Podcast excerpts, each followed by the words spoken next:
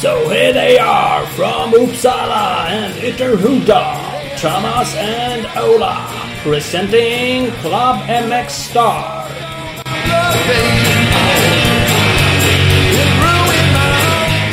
Oh yeah! Club Ungstar Podcast. Ja, ja, 172 avsnitt. Där har vi den. 13 i år, 2021. Ja. Snyggt jobbat. Vi har en gäst som heter Anton eh, Lundgren. Mm. Och Han är... Han, är, han åker motorcykel. Han är ny inom, inom den här motorcykelbranschen. ja, han är ny i den här branschen. Apropå 2021 då, som det är nu och våra 172 avsnitt så var ju han med 2015. Det var alltså Ja. året efter vi startade. Oh. Eh, var han med två gånger det året. Men efter det har vi dissat honom fullständigt. Men nu, Ja, nu är det dags. fan. Det är inte jättemånga som är med två gånger i samma år. Det är typ Snack Erlandsson och, och eh, Phil Bangen. Ja, faktiskt. Så Han ser inte så många. Han ser inte så många. Så att, eh, nej men nu är han värd. Han eh, är ju en duropåse nu och gör ju det jävligt bra. Så att nu ska han vara Mm. med. Det är inget snack om. Faktiskt. Det är då man får vara med när man är en duropåse. Är Ja. det så du tänker? Det är det nya. Det är det nya. Nej men om man gör det så bra som han gör. Så det, det är eh, mycket bra avsnitt. Så det ska du lyssna på. Kommer ju alldeles strax här. Mm. Eh, avsnittet Det är bara presenteras. att fortsätta lyssna så dyker det upp. Ja det gör ju det. Och avsnittet presenteras ju av HG Stickers.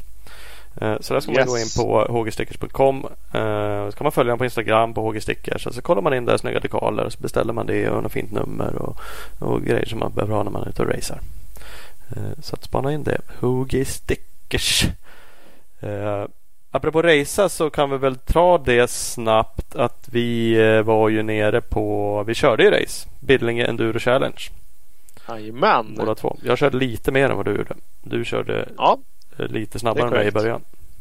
ja, så länge jag åkte så låg jag, åkte jag lite fortare än dig. Men jag körde inte lika länge istället. Så är det. Jag, vi är ju vi är ju bäst på, på det vi är bra på. Bägge två bara helt enkelt. Ja, precis. Jag, jag gör min grej och du gör din grej.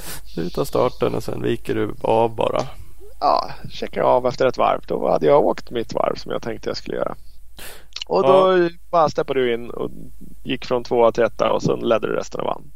Ja, precis. Jag såg ju när du svängde av. Eh, Jag, du brukar ju för sig inte alltid köra klart saker och ting så det var väl inte som en chock. Ja, det var väl jävligt orättvist. jag väl- men det hände väl förhållandevis. Det har väl hänt. Det- Det har väl hänt några gånger att du bryter lite race. Eh, Korrekt. Vi- Viker av av uh, outgrundliga anledningar. Vilket det kanske var nu också. Det jag visste inte att du skulle bara köra ett varv. Jag, jag trodde att du hade ruttnat ut på dammen. Tänkte nu är han så jävla arg. Så nu åker han in här och så lackar han ur på någon jävel. Och säger att det Nej, här är bara piss och skit. Och, Jag har ju ett ansvar när det gäller de där tävlingarna. Vet du. Jag, har ju så, jag är som eh, delaktig i den där serien som skulle köras på eftermiddagen. Jag vet inte om du har hört det. Så jag hade... den kördes ju inte. Så vadå? Ja, det det, var väl för fan ingen...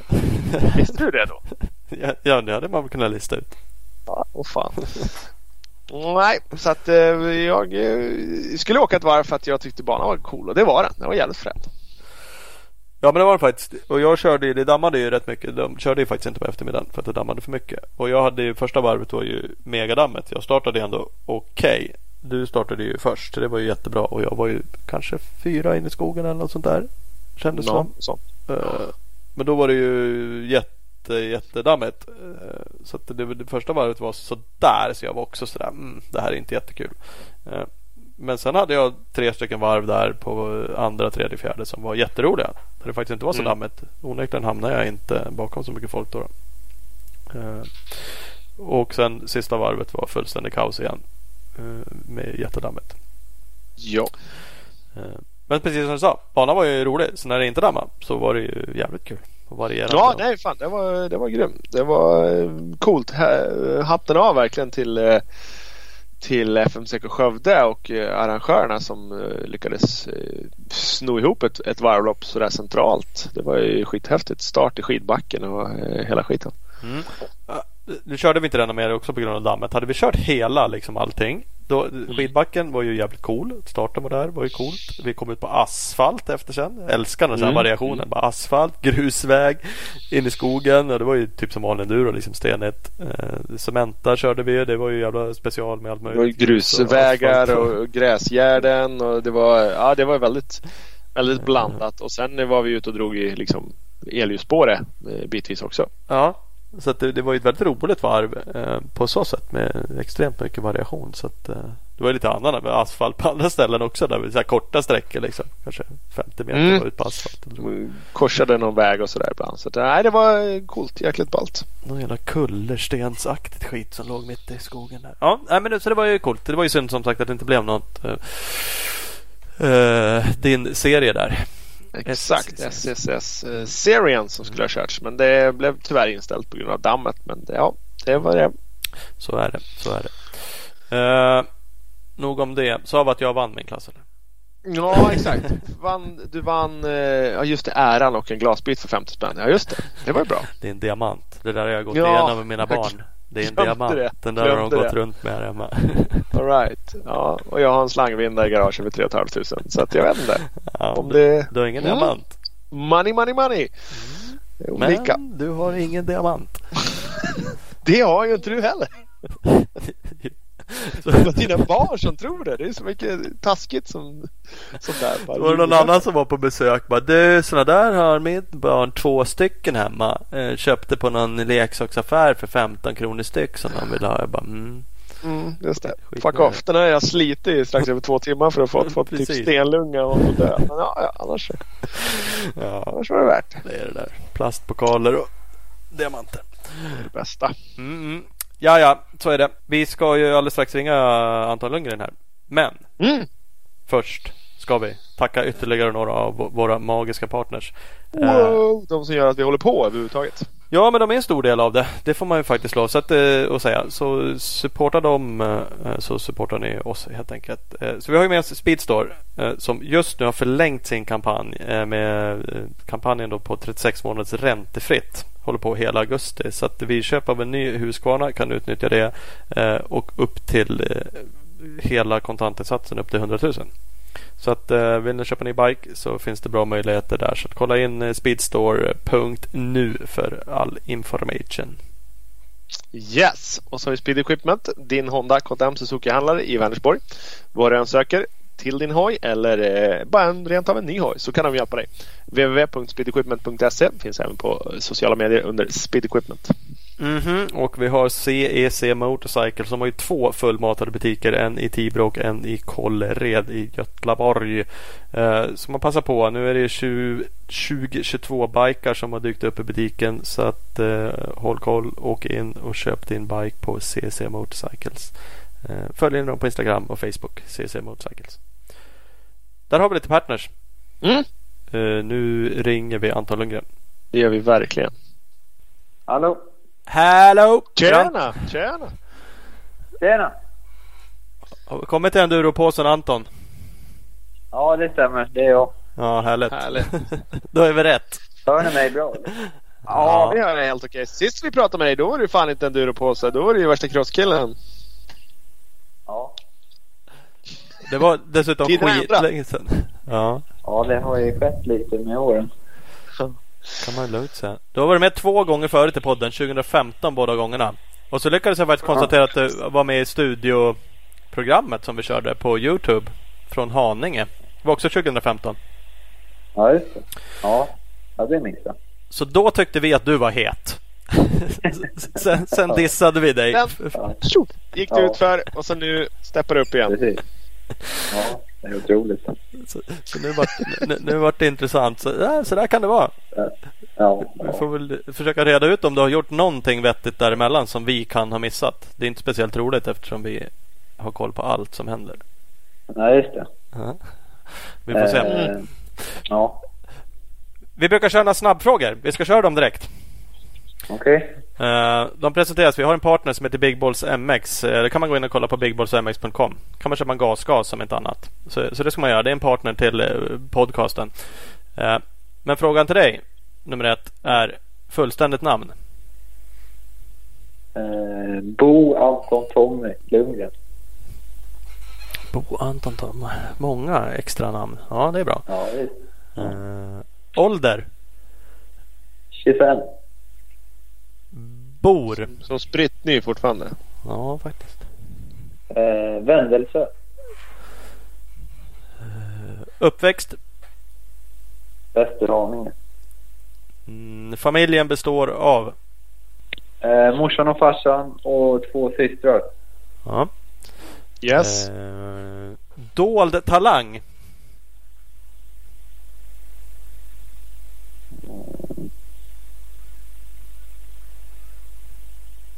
Eh, nej, det vet fan inte. Rörmokare. Grym det- rörmokare. Åh! Sådär ja. Det har vi till och med fått en lyssnarfråga om. Ja, vad fan. Din, eh, jag tror att det är din chef Jugge Averbo. Han, eh, han frågar vem som drog rör bäst. Du, du jag eller han? Ja, det är helt klart jag i alla fall. Ja, lätt. Ja. Är det bra? Det är inte jag. Det kan man konstatera. Nej. Även om jag var jävligt händig och har lagat min avhärdare här hemma. Det är ju lite rörmokeri. Så att, mm, Ja, det. det kan vi ta sen. Eh, Idol. Eh, Men eh, min idol har nog varit eh, Mats Nilsson och Kenneth Gundersen. Ja, Jajamän. Eh, Favorit musikartist eller grupp? Eh, Miriam Bryant. Ja, du ser. Eh, och sen har vi en som är, ja svår eller inte, läskigaste eller svåraste bana du någonsin har kört på.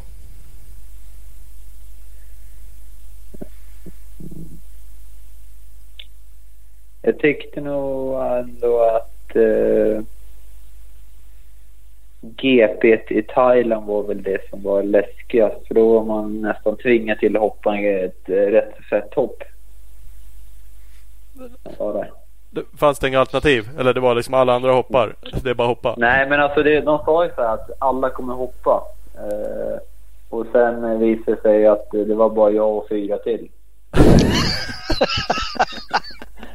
Från två Fan! klassen. Ja. Det var, det var något sånt där. Så, så det är väl det som var. Och det är skitdrygt att göra en bra start då och känna bara åh fan, det, jag har inte det här men nej, jag lär ju sända för alla andra gör ju det. Och Ja. sen var det ingen som gjorde det. Ja, precis. Ja, men det var ju tidskvalet. Liksom. Ja, åh fan. Så kom jag in och bara, fan, eh, hur går det liksom? Är det någon som hoppar? Nej. Nej för helvete sluta bara, du behöver inte. Det är ju livsfarligt, ser du inte det? Ja men vad skönt. Men, men ja, det där är, vi har pratat om det här förr, det är ju så jävla svårt att säga någonting. Men liksom onekligen känner ju ni också sånt där. Alltså var det så här typ rädsla liksom. Men ändå bara, äh, jag lär ju bara göra det liksom. Vad fan, det är bara Ja, stumt ja, typ. men så är det. Ja, Ja, ja, helt klart. Det, Det var likadant eh, när de byggde om eh, Matterley Basin i England. Eh, När det var som en... Eh, första året tror jag det var som man kom ut och körde jäms med startgrinden och så var det en fet utförs, ja, nedförstrappa Mm. Ja. ut för kanten där. Och då sa Kenneth att eh, den här är bara hoppa. och jag tror, då körde de 25. Så det var ju en massa Ja. innan. Och då visade det sig att jag var den enda som hade hoppat. då, den gången. Tack coachen. Ja, precis. Ja. Men det här talar ju för liksom på något sätt att antingen är du ju bara jävligt dum. Eller så är det ju kombinationen av att vara det och jävligt duktig då också. Är- du, så, är du fortfarande sådär att om någon bara, nej men du vet det är bara hoppar där. Alla andra gör det. Ja. Så gör du det liksom. Eller har du lugnat dig lite Ja. med, med åren? Eller? Nej, men nu, nu har jag nog blivit lite gammal och vis tror jag nog. Ja, inser att... Eller rädd. Ja. Eller rädd ja. Ja, du ser. Har, du sett, eh, har du sett filmen på när Eddie Karlsson hoppar över eh, hoppet där i mål på Östersund? Mm, nej. Nej, målet Nej, på... men det har jag hört om. Ja. målet på, vad var det, första sträckan? Ja, just det. Jo, men det Ja. hörde jag någonting om. Jag. Vad fan gör han där? Det ser ju helt rubbat ut. Han bara launchar. Har han glömt hur det ser ut Ja. bakom? Eller tyckte han bara att det här... Ja. det går. Nej, men de andra, Anton och killarna, de scrubbar ju lite över det. Men nej, det jobbar man inte med om de åker 500. Då bara sänder man. Nej. Landar i tältet. Den killen som sitter där, han lär Han har blivit ju bara tur att han överlever. Ja, han hade ju lika gärna kunnat fått liksom 110 kilo hoj rakt i huvudet för fan. Ja, ja han kunde Ja, ha fått åt precis. resten av tävlingen under hasplåten. Han jagar väl hundradelar. Ja, det är ju viktigt där som fan. Han han i mål där verkligen. Vart, Ja, vart, det tror jag han gjorde. ja, ja, ja. Nej, det var ju jävligt special kan man ju lugnt säga. Det, ja, Ja, Helt ja, klart. ja, Ja, helt klart. Om det, Hör- det är lugnare med sånt i enduroskogen i alla fall. Det är mindre saker man måste göra. Ja, ja men det är det ju. Hoppar du då den där? Jag såg inte det. Jag såg några bilder sen Ola. Du pratade ju om den här. Det var som en... eh, Det var väl också någon trappa uppför. eh, På, nere i Skövde. Mm, nej, men den, den kände han inte att han måste hoppa. Nej, det gjorde du inte. Vet du vilken Nej, det var? Jag nej. såg några, vilka var det som la ut bilder på det där? Det var väl... Jo, men Bernardino de Ja. hoppar ju på, på crossprovet i Cementa. Uppförs den step-upen där. Ja, precis. Nej, jag, jag gick faktiskt eh, och kollade där med... Eh, jag hade ju med mig Grimberg då. Som min gamla tränare när jag var liten då. Så har vi fått lite kontakt igen. Så han var med och så sa jag det till honom. Fan, eh, hade man haft lite längre fart här så... så eller lite mer ansatt här så hade man ju säkert hoppat upp här. Och han bara ja, eller hur? Och sen stannade jag liksom där. Ja, bara, vad skönt. Ja, då går vi vidare. Var det klart? Det var inget snack. Ja. Så det, Nej, precis. så, men hade du haft Gundersen med dig som coach då hade han bara Det bara hoppa. Ja. Inget snack. Ja, Rätt upp varenda Ja. gång. Ja. Nej men jag sa ju det. Sa, var det inte åt dig jag sa det? Hade det varit 30 sådana där spår bredvid varann i en uppfart på cross-VM då hade ju alla hoppat. Ja, precis. Men, Ja, det är men nu var det bara en. Nu var det en uppfart och då bara nej, det går inte. Det är omöjligt. Ja, ja precis. Ja, men lite så. Ja. Nej, var, det- var det mycket tid att tjäna på den då? Jag vet inte, jag har bara sett dem hoppa den. Jag har inte sett hur det såg ut när man åkte den liksom. Ja, ja, men alltså ja, det är klart att du tjänade tid. eh, Helt klart. Men det var väl kanske inte sjukt mycket. Men det var ju en del i alla fall. Ja. Det är ju, det är ju inte minuter där men det är ju det är en sek i alla fall. Det är det ju alla gånger. Ja, ja, 100 procent. Ja, Mm. Det är det Och det är ju en del eh, i de där sammanhangen uppenbarligen. Det är det väl alltid liksom. Kan man hitta en sekund där och några på andra ja ställen. Så. Men man lär ju Absolut. välja. Det, det tar ju också lång tid att krascha. Så att det är väl det där man laborerar med. Det är det väl alltid. Ja, precis. Där får man spela lite i, med sig själv då, vad man tycker är värt. Mm, mm. Du, du kan ju känna dig, känna dig lugn i att den andra gamla cross-VM-svensken han hoppar ju inte heller. Så att, ja, Nej, det är ju bra så i alla fall. ja precis. Det, var inte, det var ju tur att det inte var någon riktig enduro på sig svensk då, som gjorde det. Så den Ja, det hade varit värre. knäckte Det ner det totalt. mycket sämre. En jävla Junis Ja. på någon 125. Ja. Ja. Ja, ja, ja. Vad heter det? Vi kan börja med Ola var lite inne på det. Han är också mäkta upprörd över eh, att folk eh, ser dig som något ny, nytt stjärnskott här i enduro. För Ola hävdar att du är ju faktiskt eh, storfräsare i motocross och kört lag-VM och alla möjliga grejer. Det ska man fan inte glömma bort. Så att, Frågan är om vi ska ta upp det här. För Antons enduro-karriär så kommer det här bli, bara bli sämre. Men ja, det, det, är, det är ändå faktum tyvärr. det är ändå faktum. Så du ska Ja, inte stå ja. stå och brösta upp dig här och tycka att du gör någonting bra. Jo, men det gör han och det ska han tycka. Men det är just att alla andra, eller alla andra ska jag inte säga, men det är väldigt många inom just enduron som bara Åh oh, wow, han, är, han har typ bara åkt i två år. Ja, enduro ja. Ja, ja, Men innan Ja, dess har han ju kört lite hoj. ja. ja lite hojkörning har blivit. Och det är faktiskt, det har aldrig varit, eh, eller aldrig men jag upplever inte att jag har den uppmärksamheten, eh, att jag fick den uppmärksamheten jag får nu av dem runt omkring mig då heller.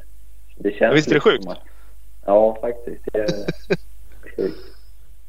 Det, det blir liksom mer nu när det går bra i enduron än vad det var när det gick bra Ja. i crossen. Ja. Ja, men precis. Helt klart. Det, fan, det där säger ju många. Man tycker liksom ändå, eller jag kommer ju verkligen från crossen. Det har ju liksom varit mitt huvudfokus absolut vad det gäller både köra och titta på och sådana saker. Som man tyckt att enduron ja. är liksom vad det är. Men, men, men det där hör man ju Filip Bengtsson och när han vann Gotland och sådana. Visst det är ju stora grejer att göra men ändå de bara helt chockade över vilken uppståndelse det blir liksom. Och, och då har ju ja, de också precis. precis som du gjort harvat, harvat runt men åkt VM länge i cross och vunnit SM-guld i cross och allt möjligt. Det är inte så att det, eh, så att det men, det, man är inte ny i sporten liksom. Ja. det är jättekonstigt. Men det, det kanske är också, alltså det där pratar vi också om ganska ofta, just, just att det är så mycket familjärare i enduron. Jag kan tänka mig att folk där kanske eh, tar mer kontakt och helt enkelt säger att fan vad bra det här är liksom. Gamla endurogubbs och allt vad det nu är liksom tycker att så att, att man det kanske inte är mer uppmärksammat men folk berättar det mer liksom. Ja, ja, ja men det kan ju ligga något i det helt klart. Roligt är det i alla fall. Ja, verkligen. Men, men, vi kan väl kort liksom gå igenom för att jag bara kollade lite grann. Du, du var ju extremt eh, duktig i cross och körde ju EM 125. Det var fyra totalt i, i den serien. 2013 eh, tror jag. Uh, du åkte ju två hela VM-säsonger. Minus lite skador då. Men uh, i alla fall i EMX2. Uh, där 14-15 också. och så, så, att du har ju onekligen gjort en körd lag-VM. När var det? Det skrev jag också upp och det är också där någonstans 13 va? Kan det vara det? Ja. Det var uh, 13, 14. Ja, jag tror kanske det var 13. Eh, så, att, så att det är klart, du har ju absolut gjort jättemycket saker inom motocrossen. Det är precis som Ola säger. Det är inte så att du är ny inom eh, MC-världen liksom. Eh, men, men sen la du ner gick ju egentligen ja. från VM eller en EM-säsong vart det väl kanske efter de där två VM-åren. Och sen så valde du helt enkelt att ta jag hittade någon artikel, då kallade du det för ett sabbatsår och faktiskt stod det med där att du skulle börja åka lite mer enduro. Uh, mm. Men det tror jag var 2016 och sen kan man väl lite har du väl kanske åkt men inte sådär jättemycket förrän ja, snudd på förra året eller? Ja, Eh, men från att jag slutade där så, så åkte jag nog inte alls på nästan ett år. Eh, det som blev då var ju att eh, jag eh, tänkte, jag, jag gick aldrig gymnasium. Eh, jag flyttade ju mer eller mindre till Kenneth då, eller där han var, när jag slutade nian. Då.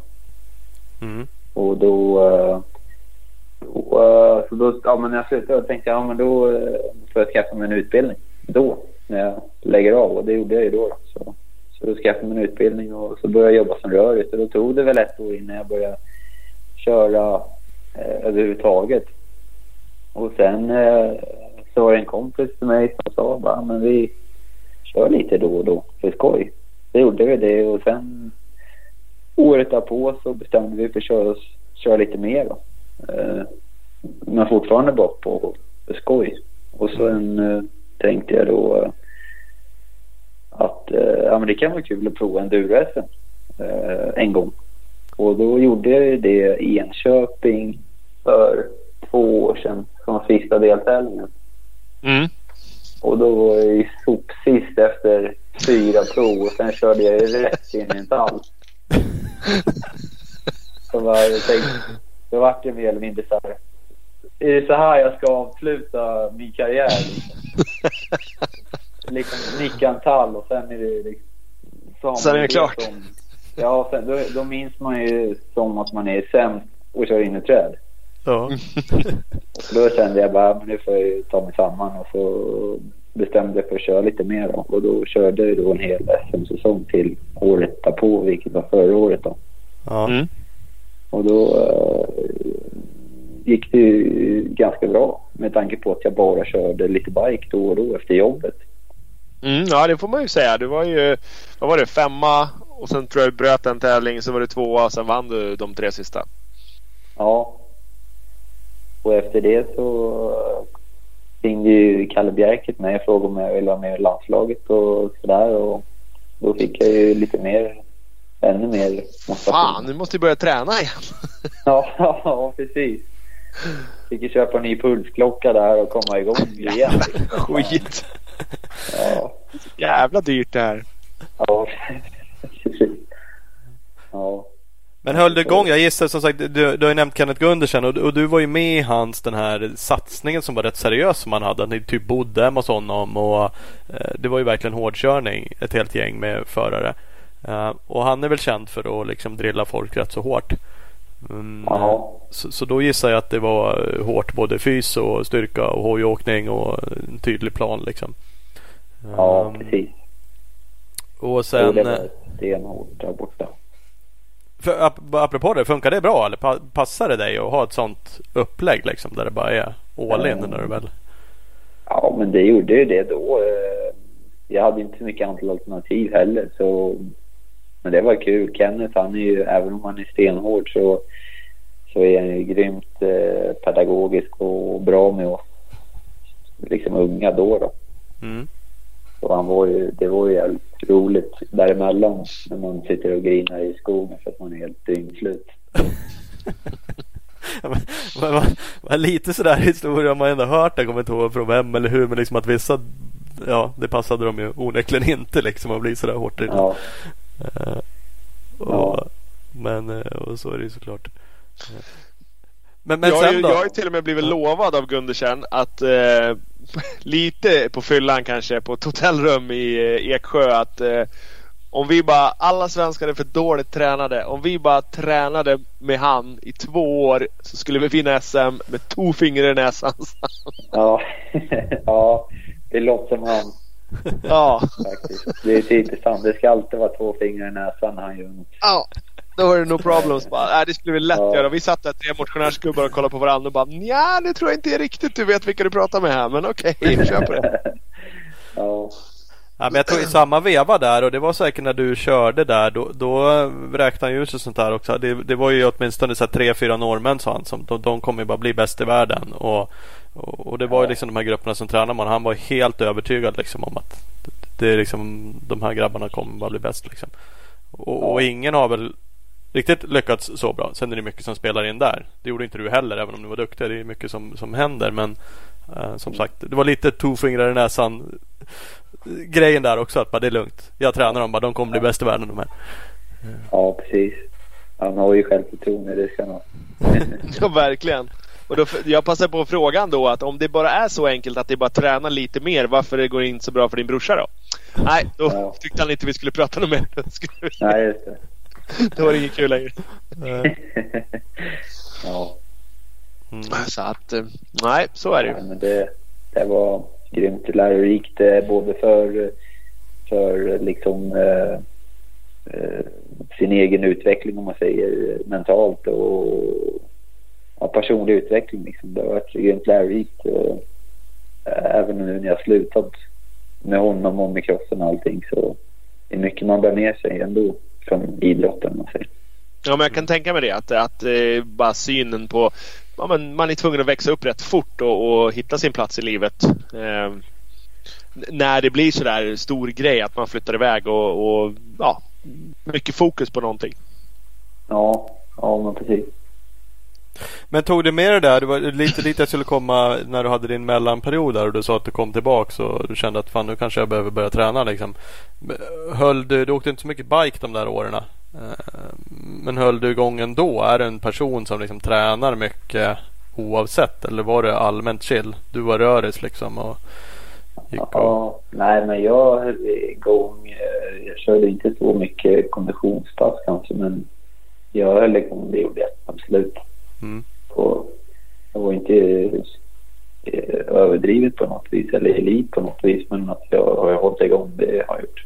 Du behövde inte gå ner 25 kilo när du skulle börja åka där 2020 liksom? Nej, nej. nej. det är svårt att gå upp. Jag kämpar dagligen med att komma över 80-strecket men det är fan svårt. Ja, det är den nivån istället. Ja, det kan ju för vara ett problem det också. Det tänker man inte så mycket på att det ska vara ett problem. Det kommer med åren. Då blir, det går bara lättare och lättare att bli ja. jättevikt.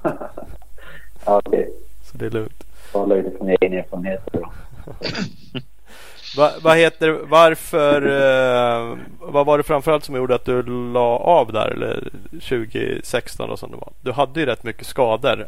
Egentligen alla år känns det som nästan. Men det var ganska mycket ja. i alla fall. Ja men det var väl det. Jag började ju redan första året med i VM där då, med benbrottet.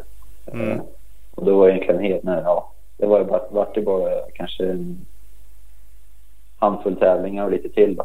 Eh, Mm.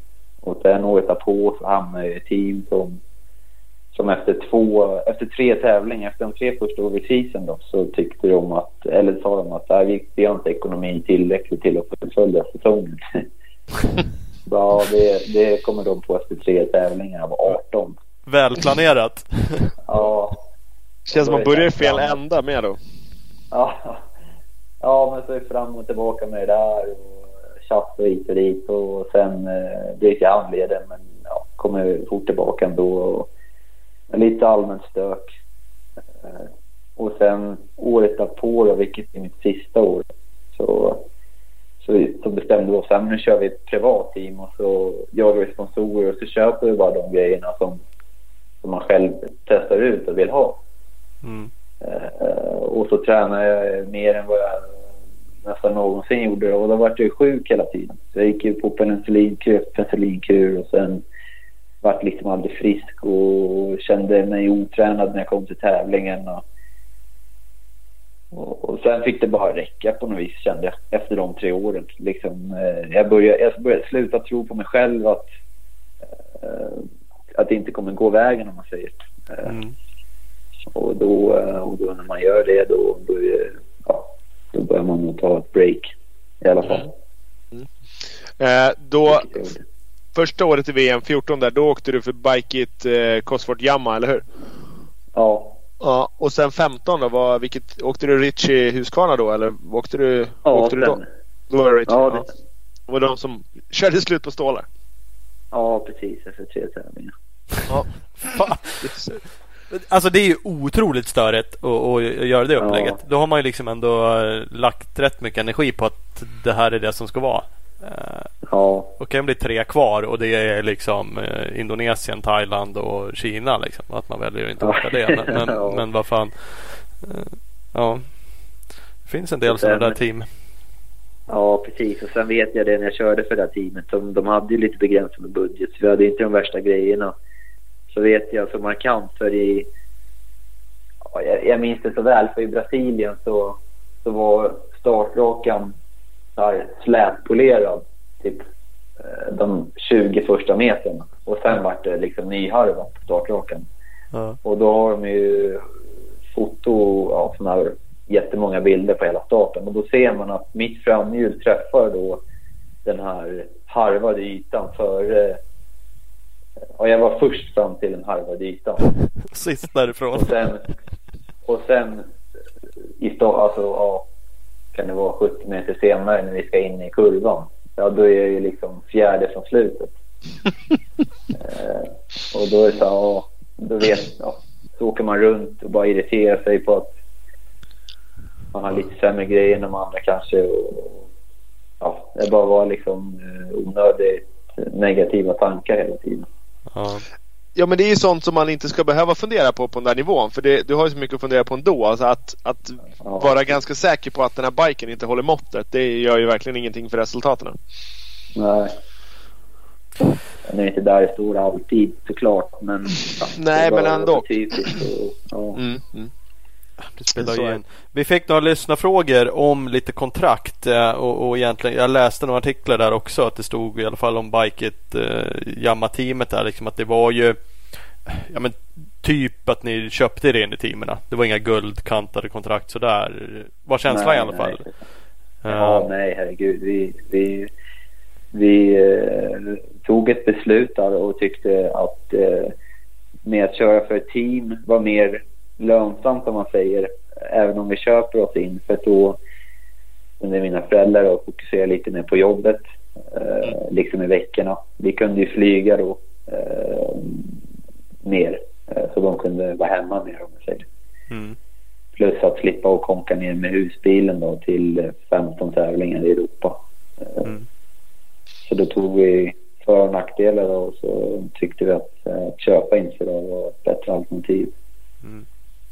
Ja men det är ju en, en matematikfråga mer eller mindre. Man får ju, man får ju räkna på vad ni, vad ni faktiskt får ut. Ja. Och som du säger, det, det, går att man kan fokusera på andra saker. Föräldrarna kanske kan jobba, du flyger till racerna, ni slipper eh, fladdra runt och resa i Europa som också kostar väldigt mycket pengar om man ska Ja. ut i VM. Ja, precis. Så och då istället för att ha en sponsor hemma som hjälper till att pröjsa dieseln eller vad som helst så ja, kan- får man bara ur så man kan få de pengarna och köpa sig platsen istället så ja, det är ju det blir ju typ same Ja. same och eh, jag Ja. tror ju att Bike-teamet där så hade ju jävligt bra material också. Ja, jo men det, ja, det är ju helt klart. Ja, det är jävligt bra support. Så det var ju synd att jag var skadad nästan hela det. Precis, precis. Robert 099 eh, trodde att han hade blandat ihop det men eh, han, han frågar mer eller mindre om, eh, om du tror att Magne körde av dig benet med flit eller om, han, om det var bara en taskig timing. Ja, det var nog inte med flit. Men det var din teamkompis, eller hur? Som, eh, Ja, ja visst. Vi Körde ihop med dig. samma tak hos Ja. Dessutom. Det var ju halvstelt. det, det var halvstelt sen. Ja. ja. Jag kan tänka mig det. Ja, men jag minns att det var. Jag kommer inte, du var ju som sagt var med efter tre deltävlingar. Jag undrar det var efter Brasilien. Du var med i podden. Jag har faktiskt inte lyssnat tillbaks på den nu. Men jag tror vi pratade om det där Mm. också. Att det, det, det fanns lite stelt emellan där. Och oavsett om det Ja. var med mening eller inte kan man ju typ förstå det. Du hade ju varit sur på någon Ja. annan om de hade kört av dig foten också. Ja, men, eh, men, men det där kan man ju. Och, och det kan ju vara en situation där man känner att hmm, kanske hade kunnat Ja. undvika den. Liksom måste, inte, måste, måste kanske inte Ja. gå all in på sin polare och teamkollega. Team, teampolare, bor i samma tak hemma i Norge. Mm. Tränar med samma träning. Och Ja. man kan ju fundera länge på det. Mm, mm. Hans, eh, om man ska gotta sig i det då, så vart ju inte hans karriär så lång heller. Nej. Nej, just det. Behöver man inte glädjas åt. Men Nej. han, han, han försvann också rätt fort. Jag vet inte när det var, om det var i samma veva där. Men, men eh, oavsett så. Ja, jag vet inte vad det var eh, som fick han att sluta. faktiskt. Vi hade inte sådär, som sagt, skitbra kontakt på slutet. Men Nej. han la väl av nästan före mig tror jag. Året innan, vill jag nästan minnas. Ja, Okej. ja, men det var nog nästan så. Det gick fort ut för där. Mm. Mm. Ja, så kan det vara. Vad heter det? ehm, eh, Den artikeln jag läste där som sagt. När du skulle ta sabbatsår, jag tror det var 2016. Då, stod det åtminstone i alla fall. Nej men ska åka lite enduro. Fanns den Mm. tanken? Åkte du någon enduro? Det kan du väl knappast ha gjort speciellt mycket när du satsade riktigt mycket på VM-cross? Eller fanns det lite intresse för det även då liksom? Ja, men eh, ja, det, det fanns ju faktiskt. eh, Men det har väl mest att göra med att eh, min mamma har kört enduro eh, i må- många år. Eller hon körde enduro egentligen. Eh, Och så vi har ju mycket kontakt med folk som är ganska duktiga inom enduro. Mm. Så den tanken har ju alltid legat där. Men crossen har ju... Ja, det var liksom bara cross automatiskt. Och sen träffade vi Ken, så då är det ju det som gäller. Mm. Men eh, ja, som sagt, eh, genom alla år då även så känner vi, ja men till exempel Robert Lindberg, han är ju gammal landslagscoach och, och så vidare. Och det är en gammal, han tränade jag med när jag körde 85 kubik. Mm. Eh, Så enduron har ju ändå, vi har ju mer kontakter på enduron än inom crossen, i alla fall innan vi började skulle flänga i Europa med crossen. Mm.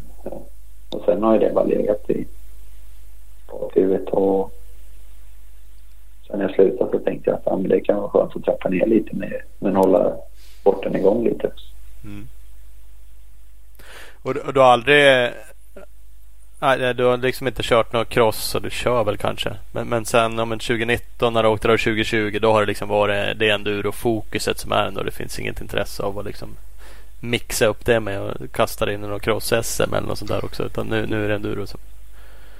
Ja, jag var, vart jäkligt sugen i våras faktiskt när de la, eh, ställde in de första SM där eller hur det var.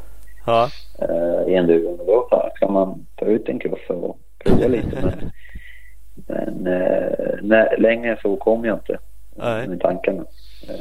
Men det är enda gången. Annars så har jag ju provat lite cross eh, eh, liksom nu när jag har kört enduro och kört någon pass på crossbanan. Och det är ju, extremt jobbigt.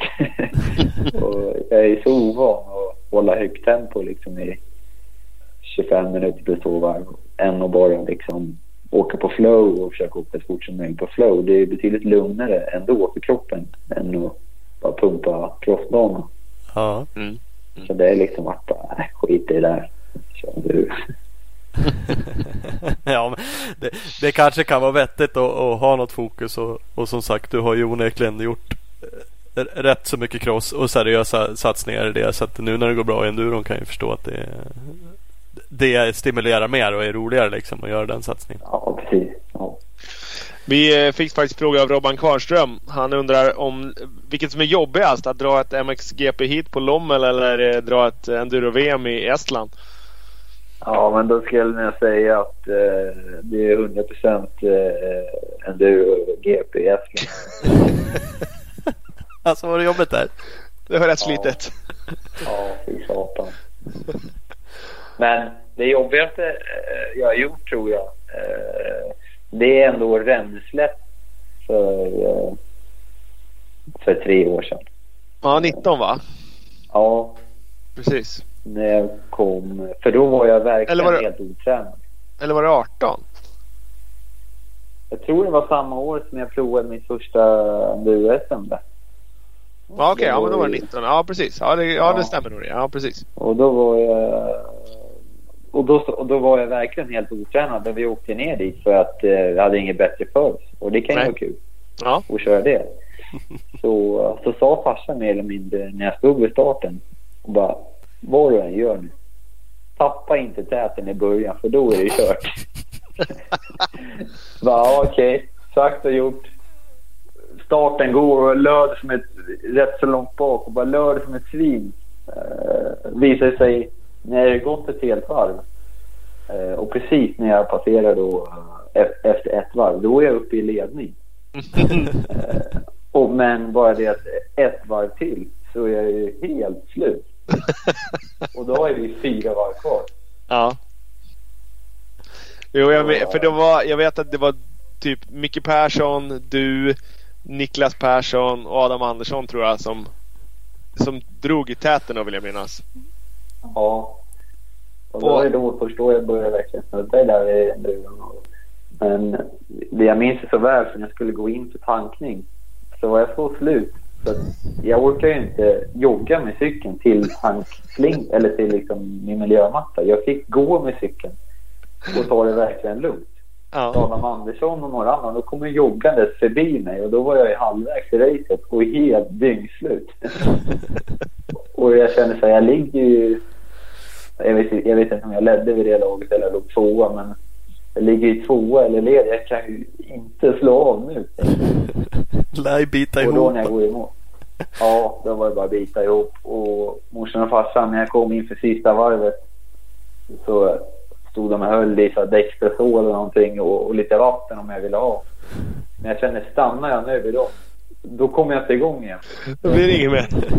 Nej, så då blir det inget mer. Då, då blir det, svänger jag av. Men kör jag klart det varvet liksom på nöd och näppe med ett öga öppet kändes det som. Och bara går i mål och är helt, helt slut. Bara börjar, lägger mig och grinar. Det gör ont i varenda muskel. Och jag är så, ja. Jag, hade, tror jag, ryggskott i två veckor. Men, men, men Ränneslätt är jävligt. Alltså jag åker inte som du gör. Men, men första gången jag åkte ner där då hade hon åkt Stångebro bara. Det, det är dessutom i motion. Det är mycket kortare. Vad fan kör vi där? Vi kör inte ens två timmar. Och, och Ränneslätt är ju tre. Det är som Gotland liksom. Det är ju tre Ja, timmar så många varv du hinner. Jag hade inte alls kopplat där så jag var också inställd på att äh, det är väl liksom ungefär samma tid. Så dels var det en timme längre. Och så är den banan Ja. är ju bra jävla mycket köttigare. Det är ju så jävla stalpigt och stenigt och jävligt och Ja, den är Ja. ju tusen gånger jobbigare liksom. Så det, Ja. Jag var också sådär så jag bara nej, fullständigt klappa igenom. Jag, ja, det, Så att jag förstår, jag förstår dig även om du drog hårdare än vad jag gjorde som ledde också. Men eh, ja, Ja, fan. ja men det är nog jobbigt. Sådär egentligen. Ja, ja, men då vet du det. Ja, ja. Något. Apropå långlopp då. Som sagt förra året så åkte du ju Gotland. Det kanske du har gjort tidigare också. Men jag såg det bara som en, en, en tillfällighet. Eh, och det gick ju eh, hyfsat. Tia totalt och tvåa i seniorklassen. Ja. Har du, har du åkt det flera gånger eller var det första? Nej, jag åkte, jag åkte nog två gånger till innan. Ja. Eh, men första gången så kom jag fyra varv. Andra gången så, så vet jag inte. Jag kom inte så bra antar jag. Mm. Men och sen var det då förra året, sen var det som stack ut om man säger så. Mm. För eh, det är ju onekligen godkänt ändå då, även om du kanske ja. vill med. Du hade gjort en dålig start tror jag, jag läste någonstans.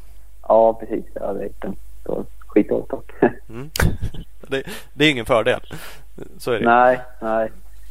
Ja, det finns en video faktiskt där man eh, lyckas skymta min position för att det var inför det racet så hade jag precis klivit upp på 450. Jag hade kört 450 ungefär, ja, kanske två veckor. Så det här med att startträna hade jag inte hunnit. så då står jag där och bara trycker och trycker och den vill inte starta. Och när man ser på videon med startkurvan så kommer täten. Och sen blir det som på Gotland, det blir bara en lång kö. Ja. Och sen precis när den kön börjar avta liksom med de här som bara står och eftersläntarna, då kommer jag. Ingen stressad då när det står still liksom. Folk står där Nej. och bara chillar liksom och börjar. Ja. ja. Rollofferna var ju slut liksom efter två raksträckor. Mm, ja, det är bästa med Gotland. Ja. Nej, det underlättar ju att vara med bra där. Det är lite stökigt. Det ökar ju risken rätt så rejält att det ska skita så att man någon kör av en benen där också tänkte jag säga. Men, men att det händer ja. någonting när man ska ligga och löda och du då som antagligen var svinmycket snabbare än alla andra ska ligga och liksom zigzacka sig emellan och ta sig fram. Och, uh, folk vinglar ju lite hit och dit. Ja, det, ja precis. Ja. ja. men det var ju bra. Den är ju, är ju för sig jobbet också, åka Gotland. Men det är inte som Ränneslätt. Ja. Nej, nej, Ränneslätt är fan värre. Gör man ett nytt försök på Ränneslätt då när man känner sig där? Vill man ha revansch? Nej, jag, jag har inte känt så än i alla fall. du är ganska klar där. ja. Det där kan knäcka. Det, det, är också den tävlingen som jag också känner så att nej, jag kanske aldrig behöver köra den igen. För jag tyckte också det var... nej, nej, det, det, det, är jobbigt att du är mer sugen på att åka en kåsa än åka Ränneslätt igen. Ja men typ. Ja, så... det klarar lite. Ja, det, det är helt klart. Klart. Det, jag tänkte på det, du sa det. Du, eh, du hade precis gått upp på 450 eh, på, till Gotland förra året. Du åkte 300 innan dess. Mm. Och nu så vet jag att, eh, eller jag tror i alla fall att jag är rätt informerad om att du eventuellt ska åka 500 på Six Days. Ja, stämmer. Mm, så du, du har liksom, när du lämnade crossen bakom dig, då hade du aldrig tävlat på någonting större än en 250. Nej. Nej. Nej. Och nu, nu är det bara. Börja på ja. 300, gå upp på 450, 500. Eh, ja. Hur kommer det sig? Nej, men först var allt, först fick man hår i nacken. Sen gick ni ner på ryggen.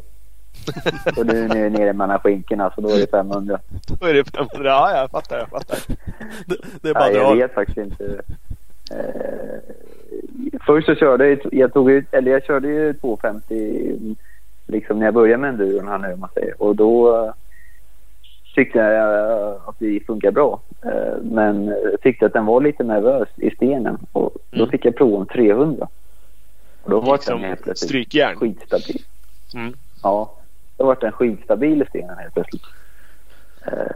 och sen när jag kört lite på den fick jag prova en 450 och då var ju den ännu stabilare. Vad fan, varför har ni inte sagt det här ja. från början? Ja, men lite så. och sen eh, nu på femmorna har det egentligen bara blivit att Kalle tror... Eh, eller han frågade mig om jag vill köra 500 för han trodde väl att eh, jag är den som är, just nu kör störst hoj om man säger i seniorlaget.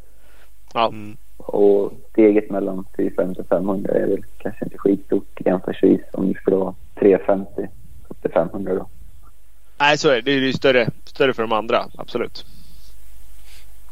Ja, för då um, frågar han mig så jag vill mer egentligen offrat mig. mm. ja. Nej men det är ju för lagets skull så är det ju vettigt att, att liksom sprida ut det. Ha i flera olika klasser. Ja. Ding, ding, ding. Vi har en reklambreak och vi har ju Scott med oss och vi som åker cross och enduro gillar ju även mountainbike ofta. Kanske inte alla men många. Så just nu är 2022 cyklarna ute på hemsidan och kläder och utrustning. Så att in på skott-sports.com. Kolla in allting nytt och fräscht. Eh, och så följer ni på Skottsport Sverige på sociala medier. Yes! Vi har även Husqvarna med oss som har eh, världens coolaste lilla EE5. En el-motorcycle som eh, passar de absolut allra minsta knattarna. Du har ju en sån hemma. Du har ju till och med sänkt den för att passa din lillknatte. Mm, det finns ju en sänkningssats. Den är ju liksom en, en riktig. Så då blir den typ som en mini. Heter väl de 50 kubiks minibikarna. Precis. Och så smäller man på och så fanns det sex, sju olika fartinställningar också. Sex lägen har vi. Ja, det är också coolt. Alltså den är verkligen skitcool. Har man chans, det, det har jag pratat förut om elhojar. Man ska prova stora elhojar också. Och el-mountainbike ska man också prova. Husqvarna eh, är coolt. Men den här är ju, den är för övrigt rolig att åka själv på också E5. Eh, men det är coolt det där. Sex lägen. Första läget är så supersnällt liksom iväg och långsamt och, och, och nice. Och annars är den skitrapp. Kan man bara kasta in den i V90 i bak. Läcker ingen soppa. Dragster. Ja, en annan Husqvarna-förare, Emil B. Han hade typ kört 80 blås med sin tror jag. så att det, det går ju onekligen fort om man vill gasa på. Nej men de är coola. så, så har ni chansen så ska ni ju kika på dem och låta kidsen prova dem. De är balla som fan. Yes, och lyssnar man på det här avsnittet eh, nu snart eller även senare så uh, kom nästa avsnitt på uh, Husqvarna Motorcycle Scandinavias Youtube-kanal är inspelat på Söderhamns Enduro SM. Är du med? Så det ska man uh, checka in. Ja, jag är uh, väldigt mycket med. Tycker man om att se mig kan man titta på det. Annars kan man nog bara skita i det. Kan man köra utan ljud och bara kolla på det om man tycker det är det man Mm, ja, det är korrekt. Vi pratar rätt mycket i hela avsnittet också. Mm. Typ mest av alla. Så att eh, mm, det kan man, eh, kan man ägna sig åt. Kan man göra. Men däremot så är det jävligt spännande. Så att man, man bör vilja se det. Det är ja. bra. Ja, ja, mycket behind the scenes eh, prylar. Och så ska man följa Husqvarna Motorcycle Scandinavia på Instagram. Det ska man göra. Nu kör vi vidare med gäst. Ja. Så är det vi fick en ja. lyssnarfråga om det där också om, om hoj. Eh, Modin.jonas på Instagram. Eh, om du har gjort någonting på 450 för, för att få den snällare i motorn. Nu kliver det ju upp så onekligen så behöver du inte ha en snällare hoj då. Eh. Ja, ja, men vi har ryktena går ju att 500. Jag ska faktiskt inviga den nu i helgen. Men ryktena hittills säger att den är eh, att den är ganska snäll. Alltså att den är nästan snällare än 450 på botten. Mm. Men sen när man öppnar spjällen då, att det låter på lite då. Men, eh, men 450 har jag, ju, har jag ju mappat ganska mycket då, för att få den snällare. Då. Mm. Ja. Och sen har jag någon strypning i röret och, och lite sådär då, för att, för att få den snäll. Då. För den är så jäkla... Vi tog lite tester med... Eh, ja, när jag liksom var val för kval mellan 450 och 300 och då körde jag ju mycket snabbare på ett, på ett blött gräsgärde så körde jag mycket snabbare på 300 än på 450. Okej. Okay. Eh, för att 450 var så... Ja, men så fort det bara liksom öppnar gasen lite så att det börjar driva så är den så stark så det bara släpper och bara slår, bara slår undan leran och gräset. Mm. Medan 300 kan du ju liksom det kan du ju cruisa på, smyga på, på det hala utan att det spinner. Mm. Uh, och det är betydligt svårare med 450 men uh, vi tyckte väl ändå att om man kan strypa ner den lite och sådär så var den så markant mycket bättre för mig på stenarna då, så att vi prioriterade det mer. Då. Mm. mm. Den, den, är ju lättare att få gå rakt över eh, sten och så. Liksom. Ja. Han blir lugnare. Ja, precis. Ja. Är, du duktig på att testa och, och känna sånt där liksom och komma fram till saker själv och säga åt någon att eh, jag vill nog ha den lugnare och jag vill nog... Uh, ja, men det, det tycker jag. Uh, han som jag testar med nu, alltså som är väl uh, ansvarig för hojen om man säger. han, han tycker att jag känner bra om man säger. Så, Så ja, jag antar det. Mm. Ja, nej, men absolut. Alltså, det, är ju, det där är ju klart olika. Och ibland lyssnar man ju bara på andra då. Liksom. Sen kan det också bli rätt att någon har en åsikt eller någon ser hur det ser ut och, och man gör någonting sådär. Så det är inte alltid man måste ha den där känslan själv. Men, men, men har man det så är det ju lättare kanske att få det dit, dit man verkligen vill. Ja, ja han kommer ju såklart med tips och råd sådär vad man bör tänka på. Men han vill ändå att det är jag i slutändan som ska ta beslutet. Då. Så det, han Mm. Tycker att det Eh. låter vettigt. Jag såg att du kör Kayaba-gungor också. Ja, Det är precis. också- Det är just han det då. eh, Den här killen. Eh, Han meckar bara kajaba. Vart enklast? Ja, precis. Ja. Så då, så här, då hade jag inte så mycket val. Nej. så det, det, det är inget Yankee Style Supercross-åkarna som bara är helt bestämda. Det är okörbart någonting annat. Det är liksom inte några aktiva val sådär utan det, det bara blev så på grund av Ja, ja. ja precis. Ja. Det var, jag har ju 30 minuter till hamn annars så ska jag åka flera timmar då egentligen för att få någon som ställer in VPn då. Och då Ja. tyckte jag att det var mer värt att köpa ett och få hjälp på hemmaplan. Det är en anledning lika god som någon annan. Ja. ja. Vi fick någon mer fråga om det där. Eh, Kippo Torell, en av veterangubbarna. Han undrar om du körde med cross-setting i fjädringen i Söderhamn eller om du bara mosar på med enduro-settingen. Ja, eh, det var ju ganska... Jag har inte hunnit testa så mycket på sand. Eh, Och jag har ju inte åkt cross med eh, kajaban förut. Nej. Så det fick ju bara bli den fjädringen som, som jag hade. Som satt var, på. Ja. Det har varit mer eller mindre katastrof eh, skulle jag nästan säga. För den, den var inte rätt inställd för sån typ av sandbana i alla fall. Det Nej. gick an eh, på VM och allting och då har det fungerat ganska bra. Men på Söderhamn det var så tuffa spalt och djupa och, och ändå lite hårda och så höga. Då ja, det, varit, eh, det, det var inte rätt inställt för det i alla fall. Nej, det, det var både...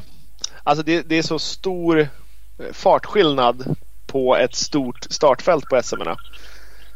Ja. Så som det blev i Söderhamn nu så blev det ju typ en grop i stalpet. Liksom. Det blev en trottoarkant i botten på en djup sandhåla. Ja, precis. Så Det... Då är det... tävlingen i botten innan man träffar stallpet liksom. Då, Exakt! Ja, det var ju flera sådana här nära döden-upplevelser när det bara bottnar Bara packar ihop och liksom ja, Oh. och sen bara skickar en bakhjulet typ 90 grader ut och sen är man på väg mot en tall. Mm. Eh, Så jag fick coola ner mig lite och bara försöka ro hem det om man säger med den positionen jag hade. Mm. Eh, men det var, jag är nöjd ändå. Liksom. Jag, jag hade inte kört så mycket snabbare även om jag hade haft en annan fjädringsstär. Men eh, ja, jag är nöjd. Det kan ju gå lite tryggare och vara, vara mindre sådana där nära döden eh, Ja. kan ju vara skönt. Ja, precis. Den enda skillnaden har kanske varit att jag hade varit eh, lite fräschare när jag gick i mål. Mm. Mm. Ja, nu hängde du lite med huvudet där. Du var lite trött på söndagen. Ja, det var jag. Jag var trött innan söndagen. Och sen på, söndagen på det. Ja, jag var sänkt alltså. Ja. Det är många, du sa ju det Ola som var där och pratade med många och eh, jag tror jag inte har läst en enda liksom, rapport eller instainlägg från någon från tävlingen som inte typ har börjat med eh, att det var den tuffaste tävlingen typ eller jävligt hård helg. Ja. Det, Ja, det verkar vara slitigt för de flesta. ja det var sjukt. Det var faktiskt riktigt, riktigt tufft. Ja, Men återigen, Ränneslätt det är en division tjej. Värre. I och för sig var du ju mer otränad då, så det är kanske är därför du Ja. minns den som jobbig här. Ja, antagligen. Och dina coacher, man kan ju fan ifrågasätta det här upplägget med att alla bara nej det är bara kötta. Släpp inte Ja. täten, det är bara att hoppa. det är bara, alla är bara så här, Ja, då var det farsan. liksom, Gr- du, Grimberg är den snällaste coachen du har. Ja faktiskt. Ja, faktiskt. Lyssna mer på honom. Ja, ja då hade jag inte annars haft med mig honom då. Ja, ja faktiskt. Hade jag kunnat lugna ner det så hade du kanske överlevt det bättre. Eller inte som sagt. Ja, så är det. Farsan bara Farsan släppte. besitter ju sin Stockholm och. Ja, du ser. som Han vet ju hur det är. Släpp, släpp inte täten för fan. Ja, Ja, det är, ja, det är skönt. Så Ja. ska det vara. Det är bara kötta. Eh, Men i övrigt, eh, alltså i, i året då, liksom så här, SM kör du uppenbarligen och det är hela GP-säsongen som också har. Du har kört alla hittills. Portugal, Ja, Italien, Estland, Skövde är det väl som har varit. Ja. Jag måste ju säga att jag tycker att det är så skönt ändå för det har liksom steppats upp från hösten 19 till att bara äh, fan jag kan inte sluta så här där jag är värdelös och, och knockar en tall till att äh, okej vi kör några SM på skoj och så blev det en hel säsong och sen till året efter. Det är verkligen 19, 20, 21. Det är bara två år. Så har det gått från att ja men knocka en tall till full VM-säsong, uttagen i landslaget, bara all in, slåss om pallplatser i SM. Bara, det, det har ju inte varit djupt ner i lådan du måste leta för att få tillbaka lite tävlingssug känns det som eller? Nej, nej, men så är det ju. Så är det. Och så känns det som att resten av familjen bara hakar på också. Bara yes, nu kör vi igen! Ja, jo, men så är det. Farsan tycker det är grymt kul och, och likaså morsan då i och med att hon också nu, eller hon är ju, har ju kört enduro i många år. Mm, mm, Så enduron ligger ju henne lite varm om hjärtat så, mm. så då, de, de tycker det är kul att vara med och hjälpa till och sådär. Så det, det går inte annars heller. Eller Nej, betydligt så- svårare för min del i alla fall. Så är det ju. Så är det. Men som Thomas var inne på, det är lite hjärtligare enduron. Det, det, måste, det måste ändå kännas, för att ja, jag vet ju att du har blivit liksom ganska väl mottagen och, och, och så nu när du kommer in i enduron. Ni hade mycket kontakter sen förut säger du men eh, det måste ändå kännas ganska skönt och ja men typ på ganska kort tid blir en i gänget liksom. Ja, verkligen. Det, det känns faktiskt skitkul. Eh, att vi har blivit så nära vänner ändå med många. Och, eh, ja, det har varit faktiskt bara roligt.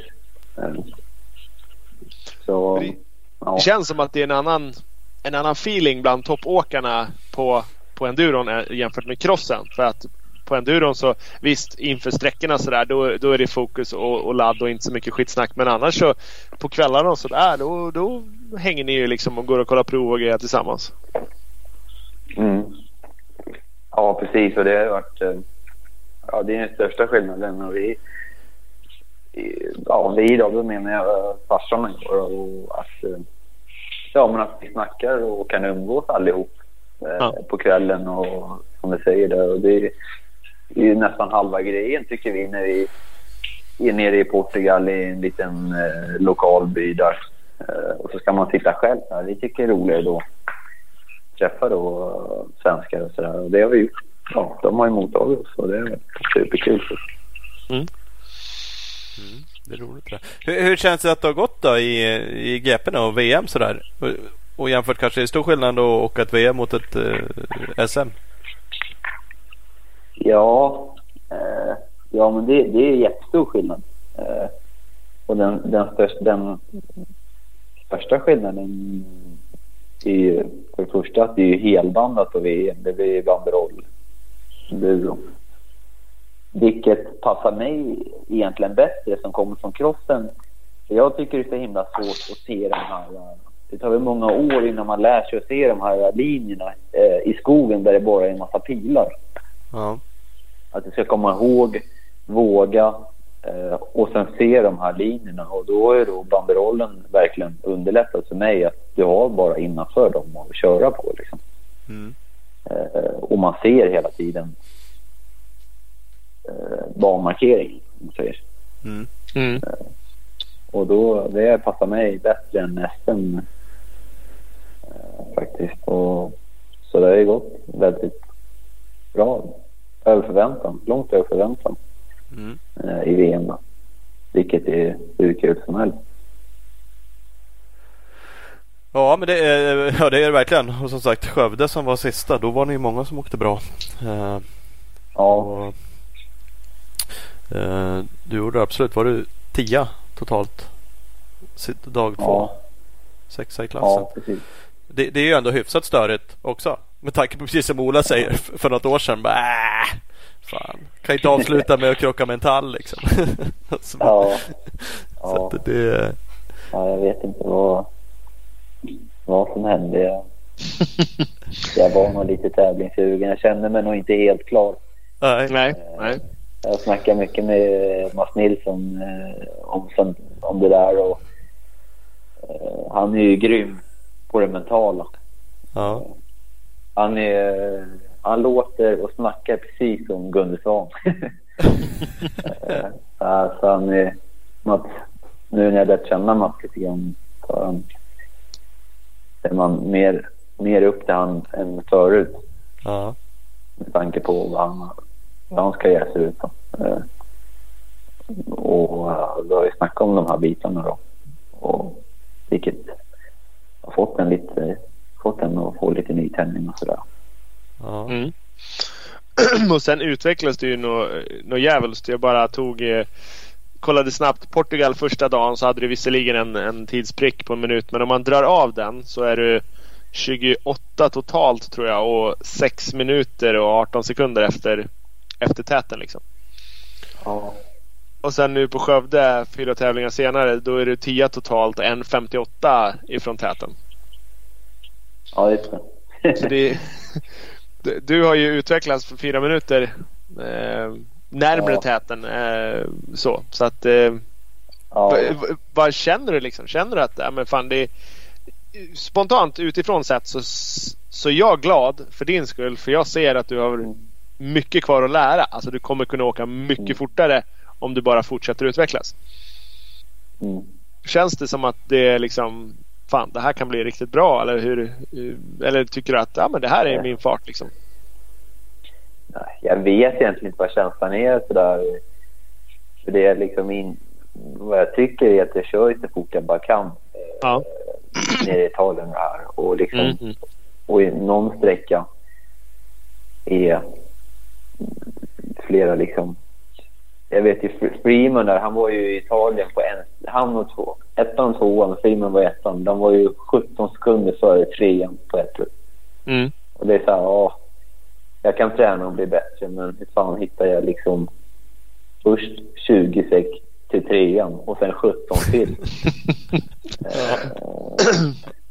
ja, men så är det. När man har dragit allt man kan liksom och bara... Ja. Ja. ja det... Så, uh, jag vet inte. Och till, till försvar då, eh, i och med att eh, jag kanske var så mycket närmare täten i Skövde då var väl att jag har kanske utvecklats absolut men i Portugal till exempel där var det ju extremprovet där var ju extremt. Var ju extremt. Eh, jag fightade med att ta mig runt. Eh, men ja. att de eh, kanske försökte ta tider om man säger. Så är det ju verkligen. Bara där förlorade jag ju liksom en minut mm. på, det, på det provet som tog tre för dem, och fyra för mig eller något sånt där. Mm. Mm. Så, det, så där har jag lite gratis då, i Skövde till exempel där det inte, där det inte var så lika mycket eh, som, så svårt ändå.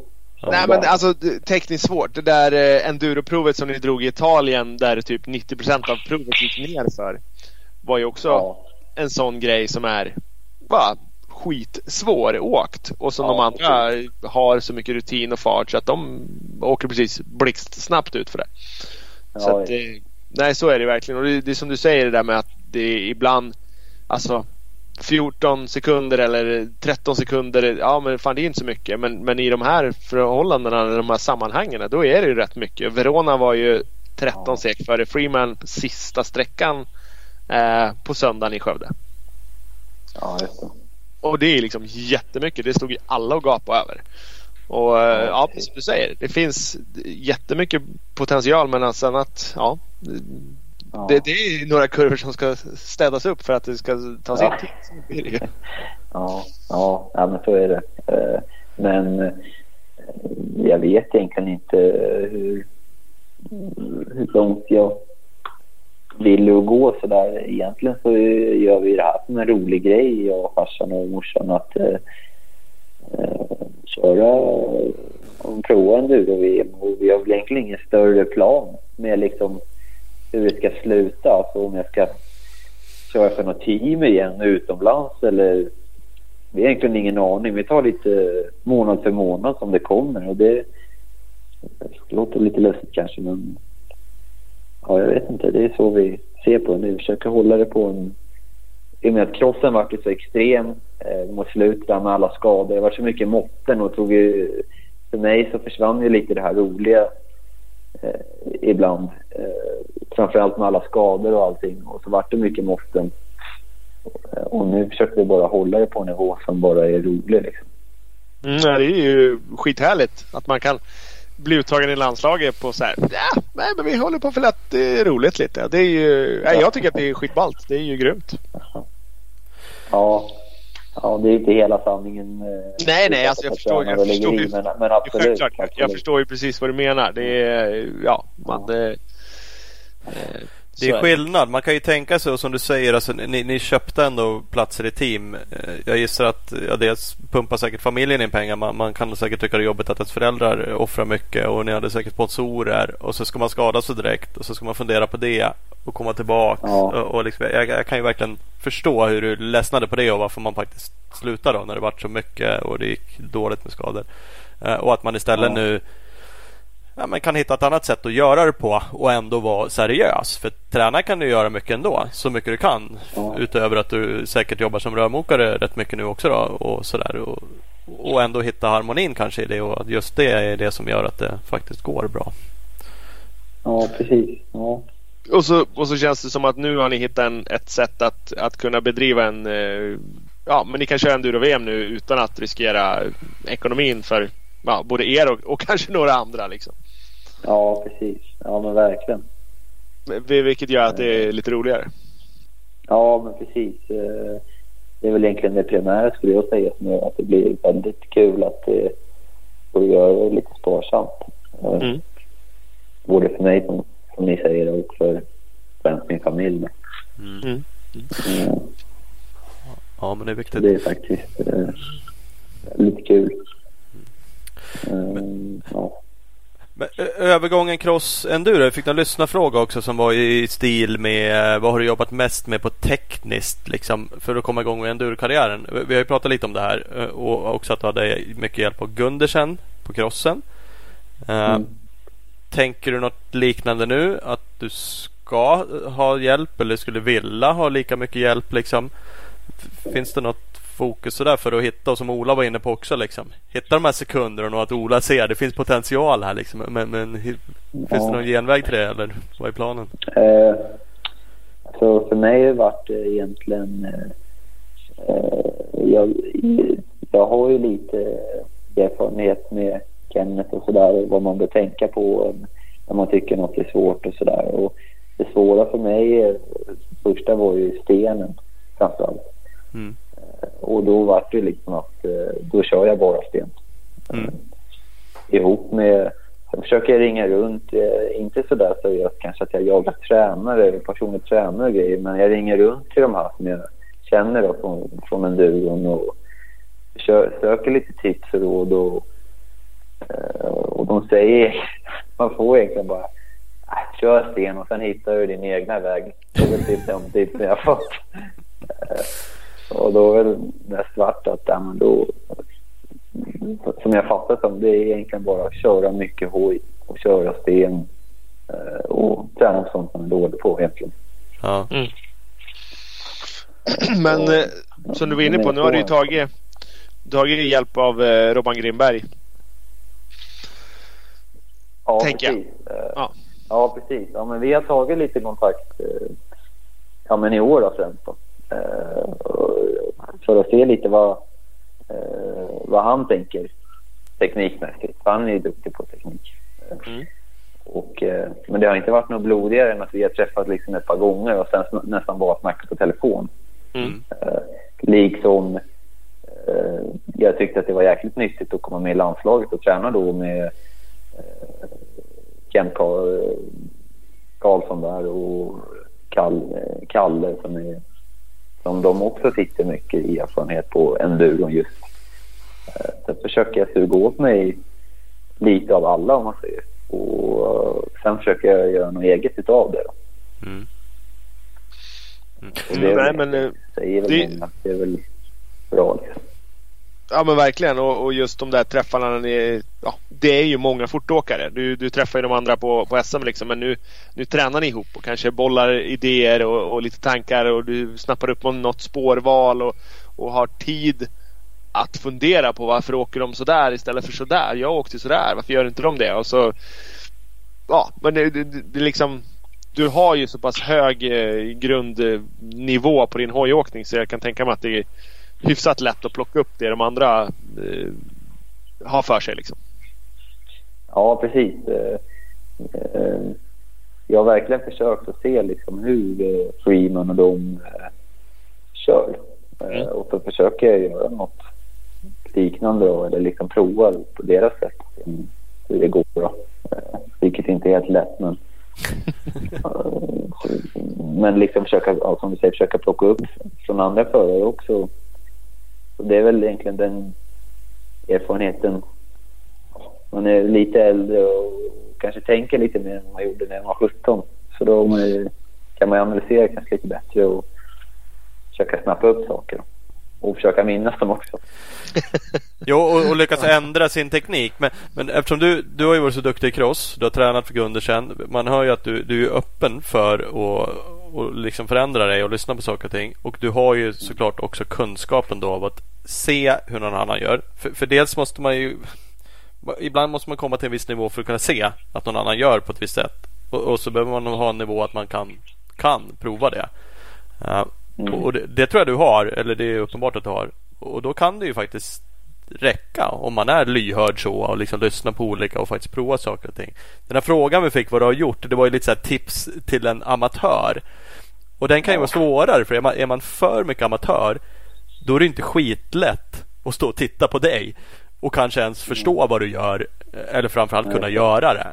Och då kan man kanske behöva en tränare eller alltså det kan ge väldigt, väldigt mycket mer att sticka på ett Anders Eriksson-läger där han står specifikt och pekar här ja, och där. Liksom. Ehm, men det ja, kanske inte behövs för dig. Mm. Ja, men det är, det är en ganska bra summering eh, faktiskt. Eh, det är väl något i den stilen jag försöker få till i alla fall. Ja. Är helt klart.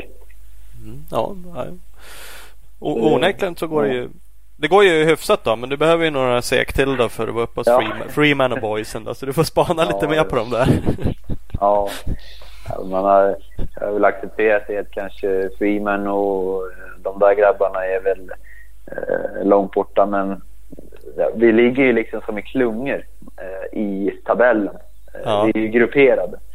Och eh, försöka ta sig liksom till nästa grupp eller längre fram i den tidsgruppen man är om man säger. Eh, det är ju inte skitlångt bort eh, om man säger själv. Alltså rent tidsmässigt. Sen att få det verkställt i en annan femma. Men, ja. Eh, så det är väl egentligen där jag står och försöker förbättra mig lite. Då. Jogga lite tid där. Ja. Mm. Mm. ja det, det, där... Knäcka någon kod. Nej, nej, ja, men det, ja men det har ju hänt alla möjliga. Så där är det från en säsong till en annan så hittar ju folk i både cross och enduro liksom går från att vara ja, medelmåttiga jag tänkte säga, det är fel ord. Men hitta ja. vansinnigt mycket sekunder liksom så man bara känner hur fan kan det här vara möjligt över en vinter liksom. Men, ja, precis. Så äh, är det ju. Ibland hittar man ju den där nyckeln då. Så att, äh, ja. kan, kan alltid hoppas. Ja, precis. Mm. Ja, men det är kul. Första är nog bara att jag blir lite äldre och försöker minnas det Kenneth har sagt genom åren och nu eh, försöker lyssna då. Att jag lyssnar lite bättre på vad folk säger och försöker prova och komma fram till något själv. Då, liksom. mm. Ja, men ett, ett konsekvenstänk och ett liksom kunna analysera saker och ting är ju eh, det är sjukt viktigt. Det är jävligt mycket lättare att, att utvecklas fort då om man, om man kan ta åt sig saker och sortera lite själv och känna att ah, det, där, det där står jag nog över. Så att... Ja. Ja men det, det, det var det som var så himla kul eh, med Grimberg. Som, eh, som jag egentligen, så här, hade det varit för eh, fem år sedan när jag körde cross så, så, och, och gå bana med honom eh, så, eh, så hade jag ju tänkt att ja, han är, han är liksom, hans tid är förbi. Den gamla gubben, jag låter han prata Ja. men jag lyssnar inte så mycket. Ja, men, men lite så. Men sen, ja, nu då, så gick vi i banan där lördag kväll i Skövde. Kolla lite. Eh, och det, han, det jag märkte att han ville, jag ville gå där som de andra gjorde. Eh, gå och leta spår, eh, gå och hitta några stenar eller någonting. Men han ville ställa sig på en kurva och, och liksom snacka om erfarenhet och ett helhetstänk. Ja. Och jag satt och stod och funderade på något helt annat. Men så sa jag ändå, men vi kan kolla på två kurvor. Och så tänkte jag, ja, så här, troligtvis så kommer spåren dra åt det här hållet. Jag tänker ju sådär först bara, ja, ja, vi får väl se hur det blir. Men, men eh, så, så försöker jag ändå behålla, eh, komma ihåg vad han sa. Bara, ja, men jag kan väl ändå hålla utkik eh, Ja. efter hur han tipsade om sin helhet då, och just eh, i de där två kurvorna. Nej, mycket riktigt, det var det exakt så de åkte nämligen. Ja. Mm. Och, och då... Många gånger så... Ja, men de fick ju så mycket erfarenhet, eh, vissa. Eh, och, och, och försöka bearbeta det där han säger och får, eh, får i bruk då. För till varv två där, då började jag försöka sätta de här kurvorna som, som vi stod och tittade på och som det han sa då. För då märkte jag att det faktiskt funkade. Mm. Och då gick det betydligt bättre på stannarna. Mm. Ja, det gjorde du ju rakt av där. Det är en, en stor grej som jag upplevde var jättestor skillnad. Både Thomas och jag åkte ju varvloppet på söndagen efter Skövde där. Det var att hela Cementa-provet till exempel jämfört med ja, men något prov i eh, Söderhamn i helgen. Så i och med att det nästan bara var riktiga fortåkare i Skövde så blir det liksom det blir mera enspårigt. Alla åker i en line. Det är ingen som har tid att skära av och byta spår och, och massa sådana saker. Ja, Upp- Upplever du skillnad på det på SM? Liksom? Att, Ja. att det blir mera Ja, det- sönderkört bredare på SM? ja men det, det upplever jag verkligen. Eh, orsaken till det tror jag är att Säten, de sätter sådana fina spår.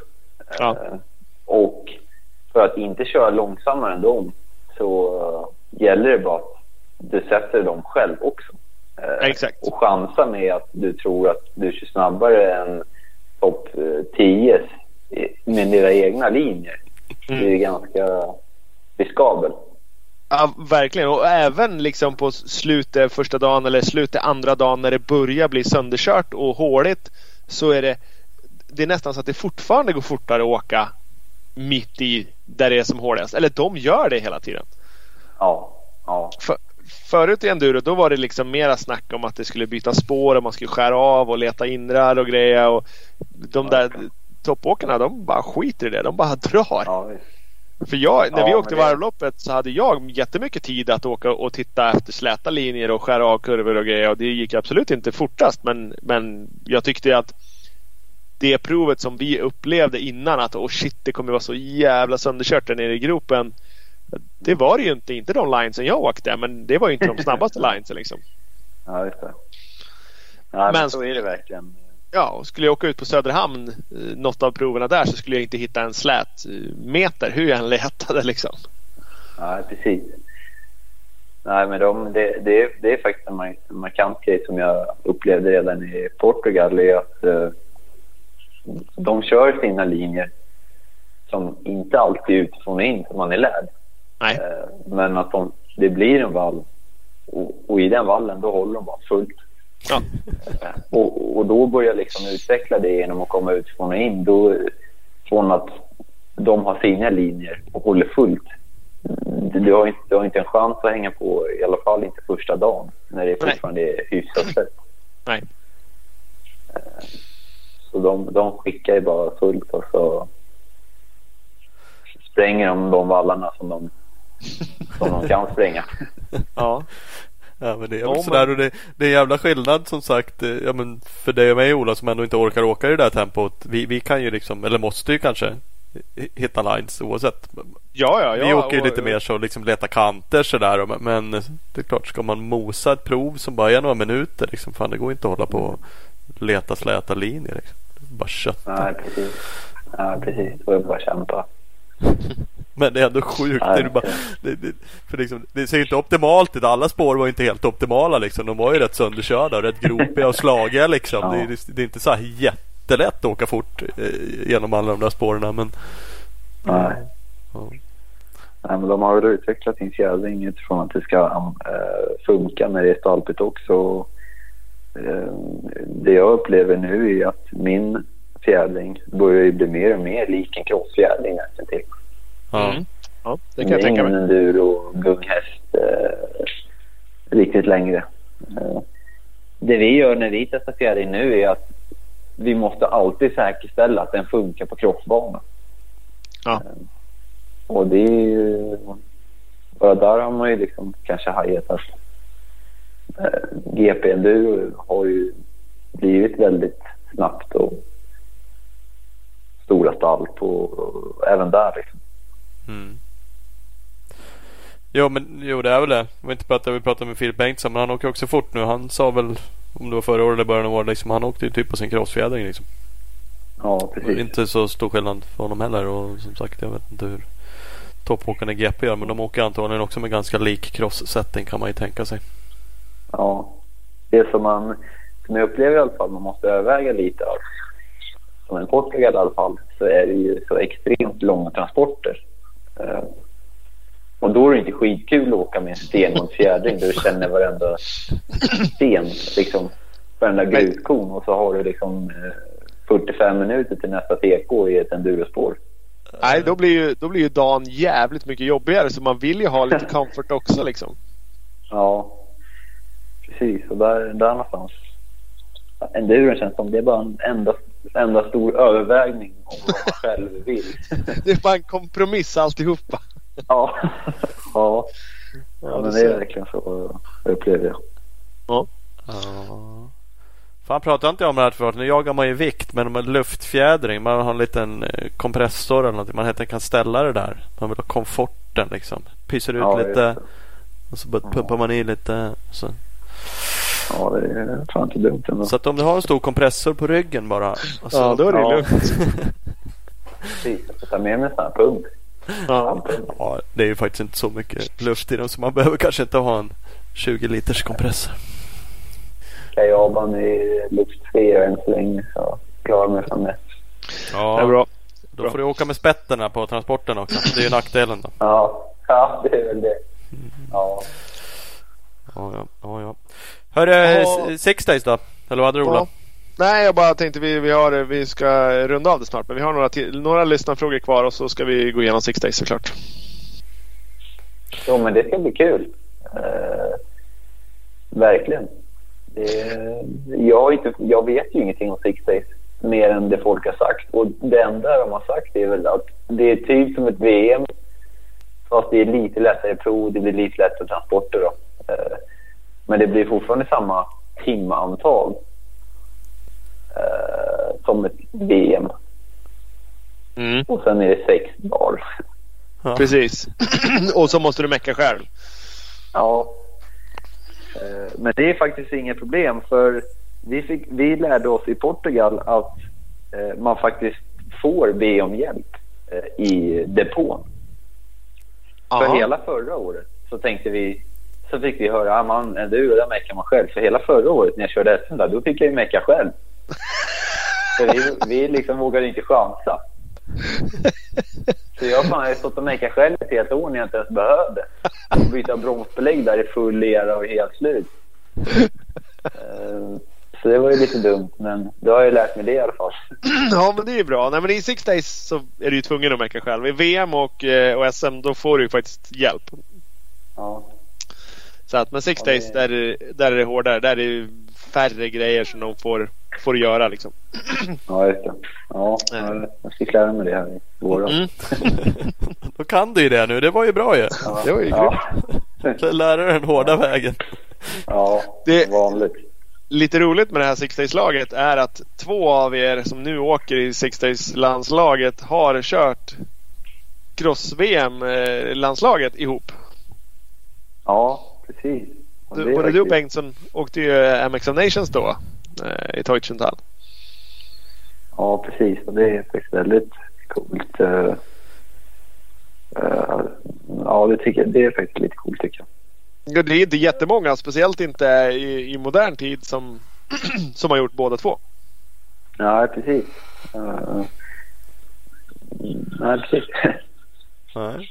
Här är det lite roligt att ni hamnade i enduron ganska många år, år efter också och samtidigt liksom och, och onekligen gör det så pass bra så att ni är uttagna i Six Days, six days laget. Ja, det. ja, ja, det är väldigt kul. Vi snackade just om det nyligen här och ja, det är lite unikt här. Ja, men jag tror nästan det. Frågan är om ni har lite press på er. Alltså om man säger som i Skövde och laguttagningarna så det, ni åkte ju rätt bra liksom. Om man ser som till ett lag. Så man behöver man inte hy- hypa upp er skitmycket för det liksom. Men det, det finns ju potential liksom om ni Ja, tar er runt med, med Skövde Speed allihopa och faktiskt gör någonting bra. ja vi satt faktiskt och räknade på det också. Uh, vågade inte sväva iväg sådär mycket och, och mening nummer två vart ju också att det är sex dagar. Mycket kan ju hinna hända. Men, men tankarna har ju, de tankarna har ju gått till oss också, absolut. Eh, Men det är det där med sex dagar. Ja, Ja. det är det ju. Det är, är det ju fem dagar och sen är det ett litet crosshit på slutet bara. Ja, ja Så det är, så det är lugnt. Då är det ännu lättare. Precis. Ja, nej, men Ja, det, ja. rent spontant så känns det som att det är ett, eh, ett eh, ja, men bättre lag än vi haft på länge. ja, ja men roligt.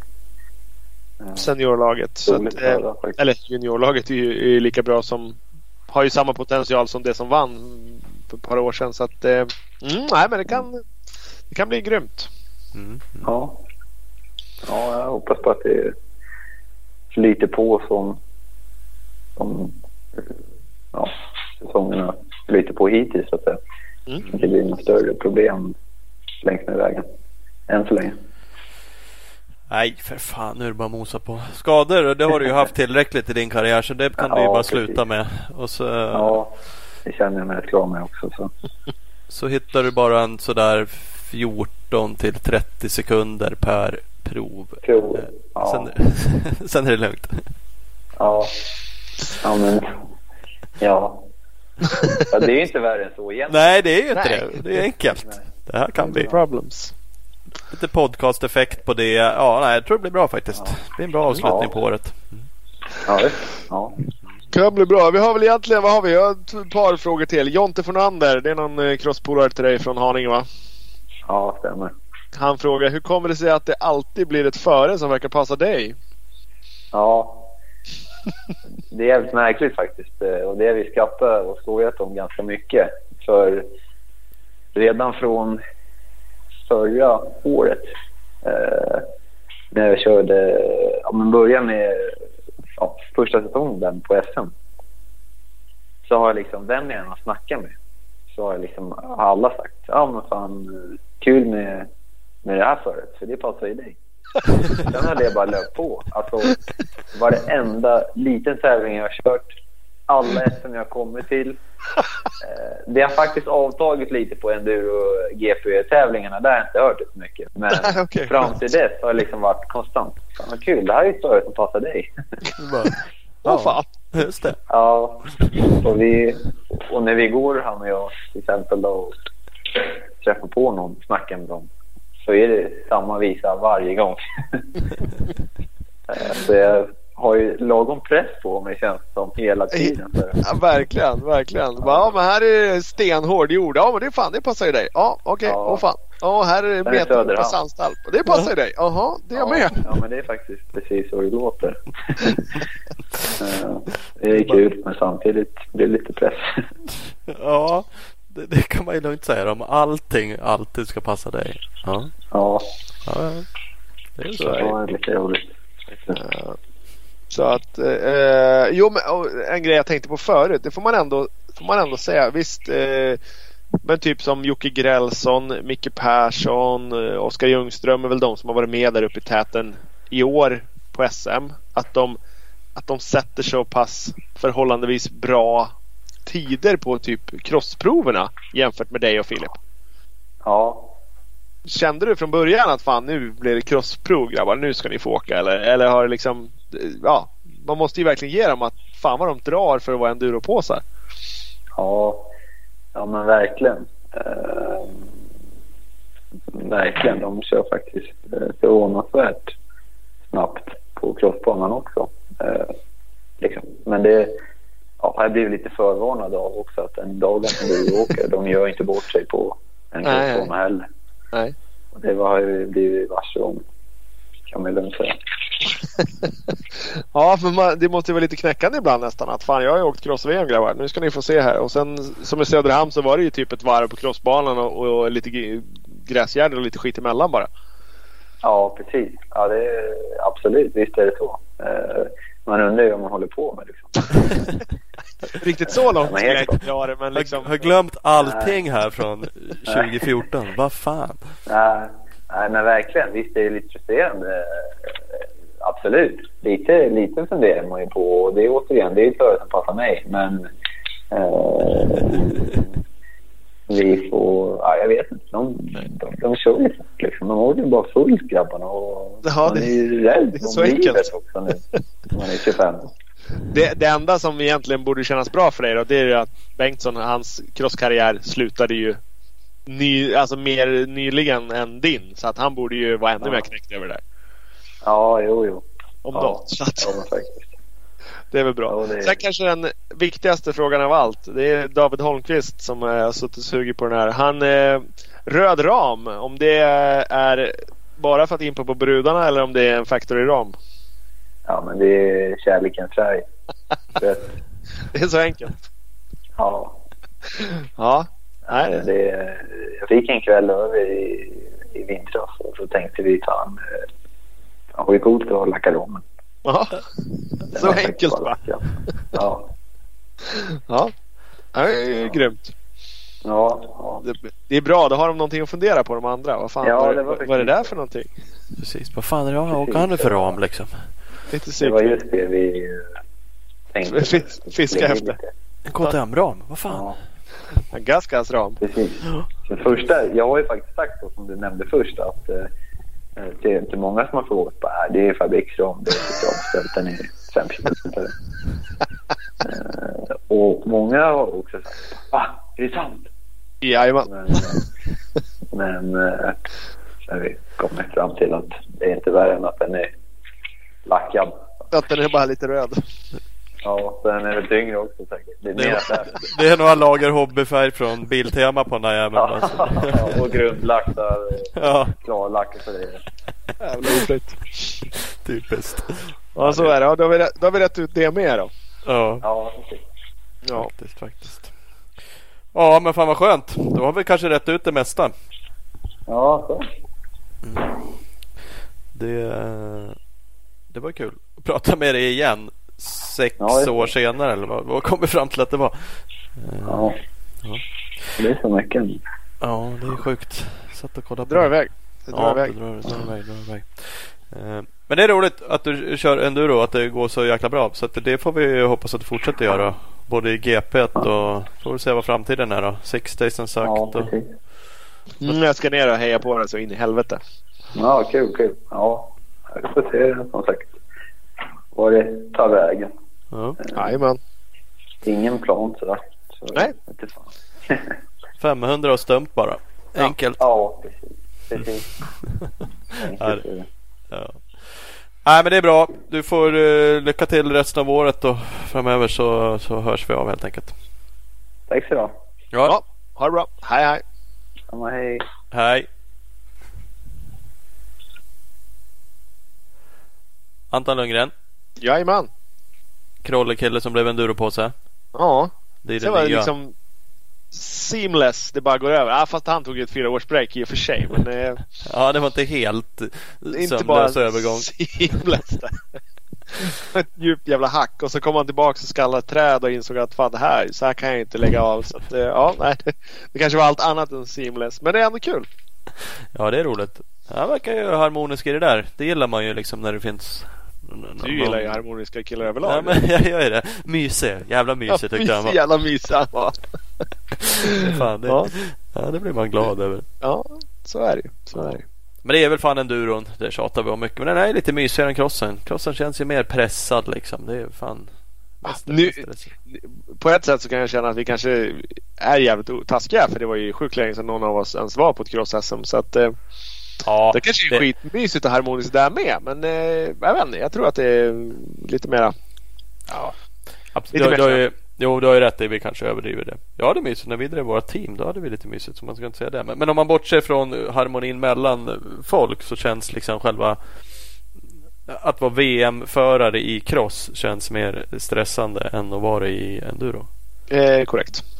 Så att det är liksom, nu kan han åka enduro GP och göra det lite mer chill med familjen än vad det troligen var när de köpte in sig i stora team och skulle flyga över hela jävla jorden. Och, Absolut, absolut. Fan på lördag kväll i, i Skövde hittade vi halva världseliten i enduro ute på krogen. Så det, det verkar jävligt loose bananas där. Alla krökade ihop och hade skitkul. Så att, eh, ja, det är skönt. det Då hade jag gått hem. Då hade du checkat ut. Ja. Tyckte det var Så sent är det. när jag, när jag gick hem. Men Jaha, då, då höll ju stjärnorna i längre. ja, det gjorde de. Så är det. Så är det. Så är det. Vi är klara. Ja, vi är nästan klara. Vi har ju någonting som heter veckans sociala mediesvep. Världens bästa Opus Bilprovning, veckans sociala mediesvep. Mhm, precis Skulle vi kunna kalla det. det. Skulle vi kunna kalla det. Så kan man gå in på opus.se och så bokar man besiktning av husvagn och traktor och mopedbilen och motorcykeln och bilen och allt man vill där. Hela helvetet och så framför, all, framför allt så gör man det med gott samvete för att Opus Bilprovning klimatkompenserar sedan 2016. Hela sin verksamhet. All rätt av. Snyggt, snyggt. Mm. Kan man bränna lite extra gummi och soppa på biken och så är man ändå med. Barnar man med traktorn på vägen därifrån bara för att man känner att som en jävla klimathero.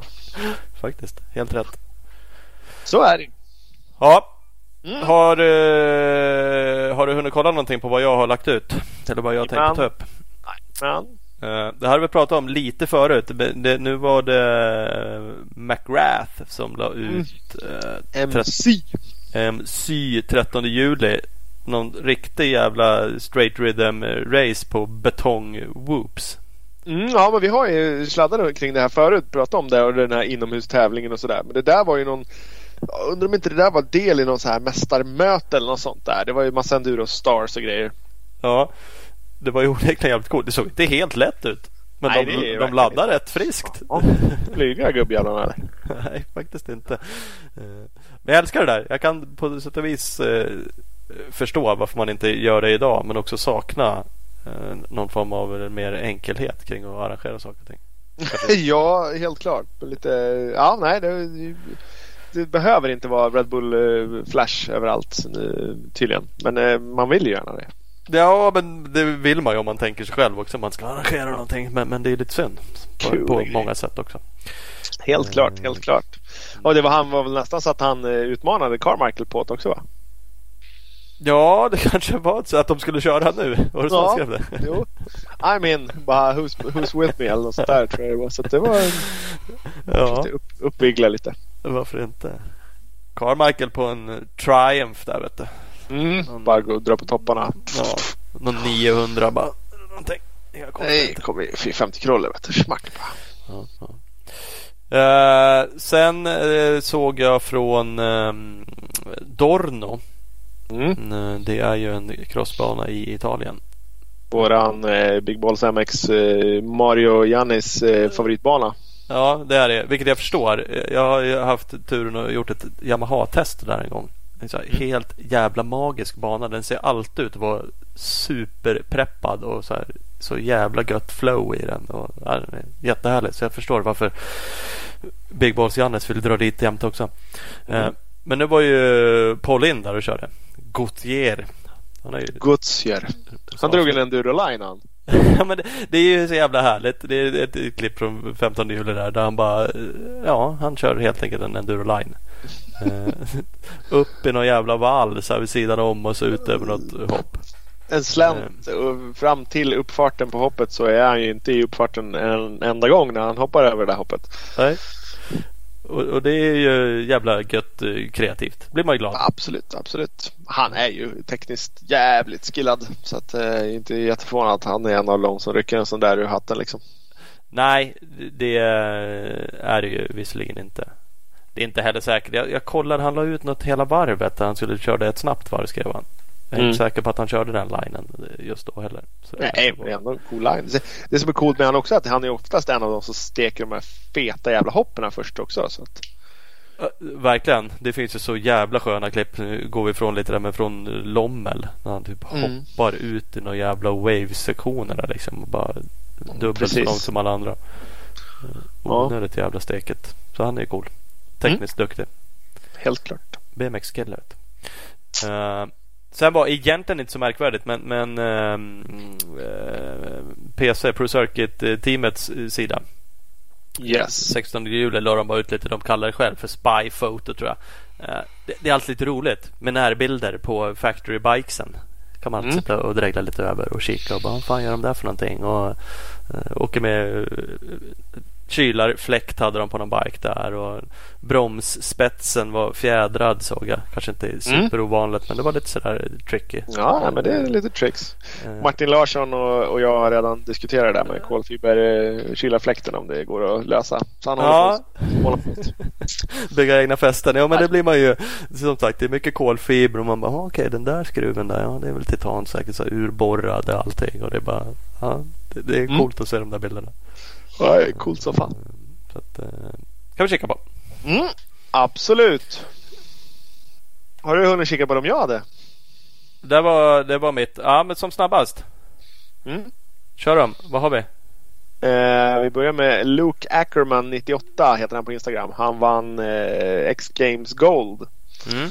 Guld eh, som tusan. Eh, han gör en han gör en typ flat 360.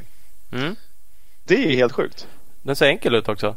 Alltså, det ser fruktansvärt enkel ut. Och så, ja, man har ju tänkt så här rätt länge nu på slutet när de gör sådana sinnessjuka vinklingar. Att bara, nu måste det ju bara vara lättare att fortsätta varvet runt istället för att ta tillbaka skiten. Ja. Och det ser exakt ut som det är det han gör. Den ser sjukt enkel ut. Liksom, liksom, de gör ju de här ja, men lite som Flair, Freddes, liksom, de här inverterade i värtramperna. Så de har hållit på sådär. Men då, då får, ja. de, får de liksom med sig det på ett annat sätt. Här är det en helt ja, vanlig ramp. Ja, och så bara drar han en vinkling. Alltså huvudet på gubben är ju det som är typ högst upp hela tiden. Annars har ju de huvudet snett under sig ibland. Men mm. nej, det är ju... Ja. det ser exakt ut som att han gör en, en jävligt fet vinkling och så istället för att ta tillbaka den så bara låter han det fortsätta snurra. Och så kollar han ganska så avslappnat bakåt mot kameran. Mm. Ja, det blir ofrivilligt om man ska snurra ett helt varv.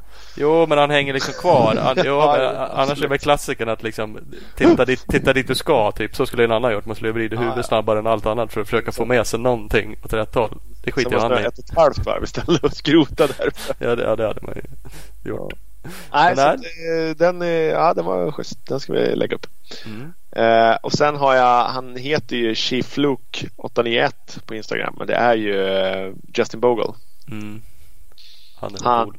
Ja, han gör det är två feta, eller en fet jävla vinkling och en eh, fläskig nack på eh, Washugal senast de körde Nationals där. Ja. Och en, en, ja, en sån där vinkling eller en sån där nack Om jag kunde göra det sådär då, skulle, då var det det enda jag skulle göra. Punkt slut bara. Nack är ju otroligt coolt. Ja, faktiskt. För det var så ändå förhållandevis eh, basic så är det ju ja, nej, kaxigt. Jag, jag blir ju bara sämre och sämre på det mesta med att åka motorcykel. Jag, jag har en gång, eller jag kanske provade flera gånger, liksom testat. Mm. Men undrar om jag inte har något foto på det. Du vet, det är ju så här precis. Foten är väl typ lite uppe vid dynan. Ser skitfånigt ut. Ja. Men idag är... skulle jag nog inte ens prova. Ja, men alltså för det, så här, grundsteget för att göra en fet näknäck är ju en vinkling. Och där är man ju inte ens. Nej, så man kan inte få till en sådär cool. Men om man bortser från det, om man bara vill liksom ja. ut med benet så, så är inte det heller Nej, det nej. borde inte vara så svårt. Men nej, det, absolut inte. Jag har lyckats få över benet ordentligt en gång och då landade jag med bägge benen på samma sida istället. Ja, det är, det är ju det man är lite rädd för. Nästa alternativ. Så att sen, nu har det ju varit enduro-VM i Sverige, det var enduro-VM i Estland, det var uh, Romaniacs. Det finns ju hur mycket schyssta klipp som helst på Instagram. Som man skulle kunna ha till sociala medier-svepet. Mm. Men jag, har du sett mitt sista klipp där eller? Mm. Och så tänkte jag på er. Ni är så här gubb-hike enduro-åker ibland och så mm. kör ni slut på batterier och får inte igång hojarna och grejer. Ja. Men här är någon jävla, ja, jag vet inte ens var han är ifrån. Någon, eh, känns som någon eh, så här, östeuropeisk någonstans som har kört torsk på någon gammal eh, Honda fyrtaktare. Som, som lindar ett snöre på, på däcket och drar igång den den vägen. Det där var ju fan kreativt. Det är in i helvete. Jag var inte med den gubbturen men eh, vår skottkompis Patrik Helmersson och VP Nisse Gustafsson och lite annat folk var ju ute på någon vända. De, Ja, Fortåkare Adam Andersson. De Ja, fick ju precis. sätta däcken mot varandra och hålla på och trixa för att Ja, de. Det är ju- nackdelen med att inte ha en kick alltså. det, det var ju så och då, då var det dessutom mörkt så de stod ju mitt Mm. ute i skogen med pannlampor och satte luft upp hojarna och satte hjulen mot varandra för det var väl en hoj som fortfarande gick. Mm. Eh, det var väl på sätt och vis kreativt också men det känns eh, på många sätt svårare än det där. Det där såg Mm, ja. Faktiskt, faktiskt. Så att eh, ja, nej men det är också ett tips från coachen. Kan ta med sig bara. Mm. Då kan det funka. Ja, bra. Ja, bra tips. Ja, Det uppskattar vi. Ja men fint då. yes. Då säger vi tack och hej. Det gör vi. Hej då.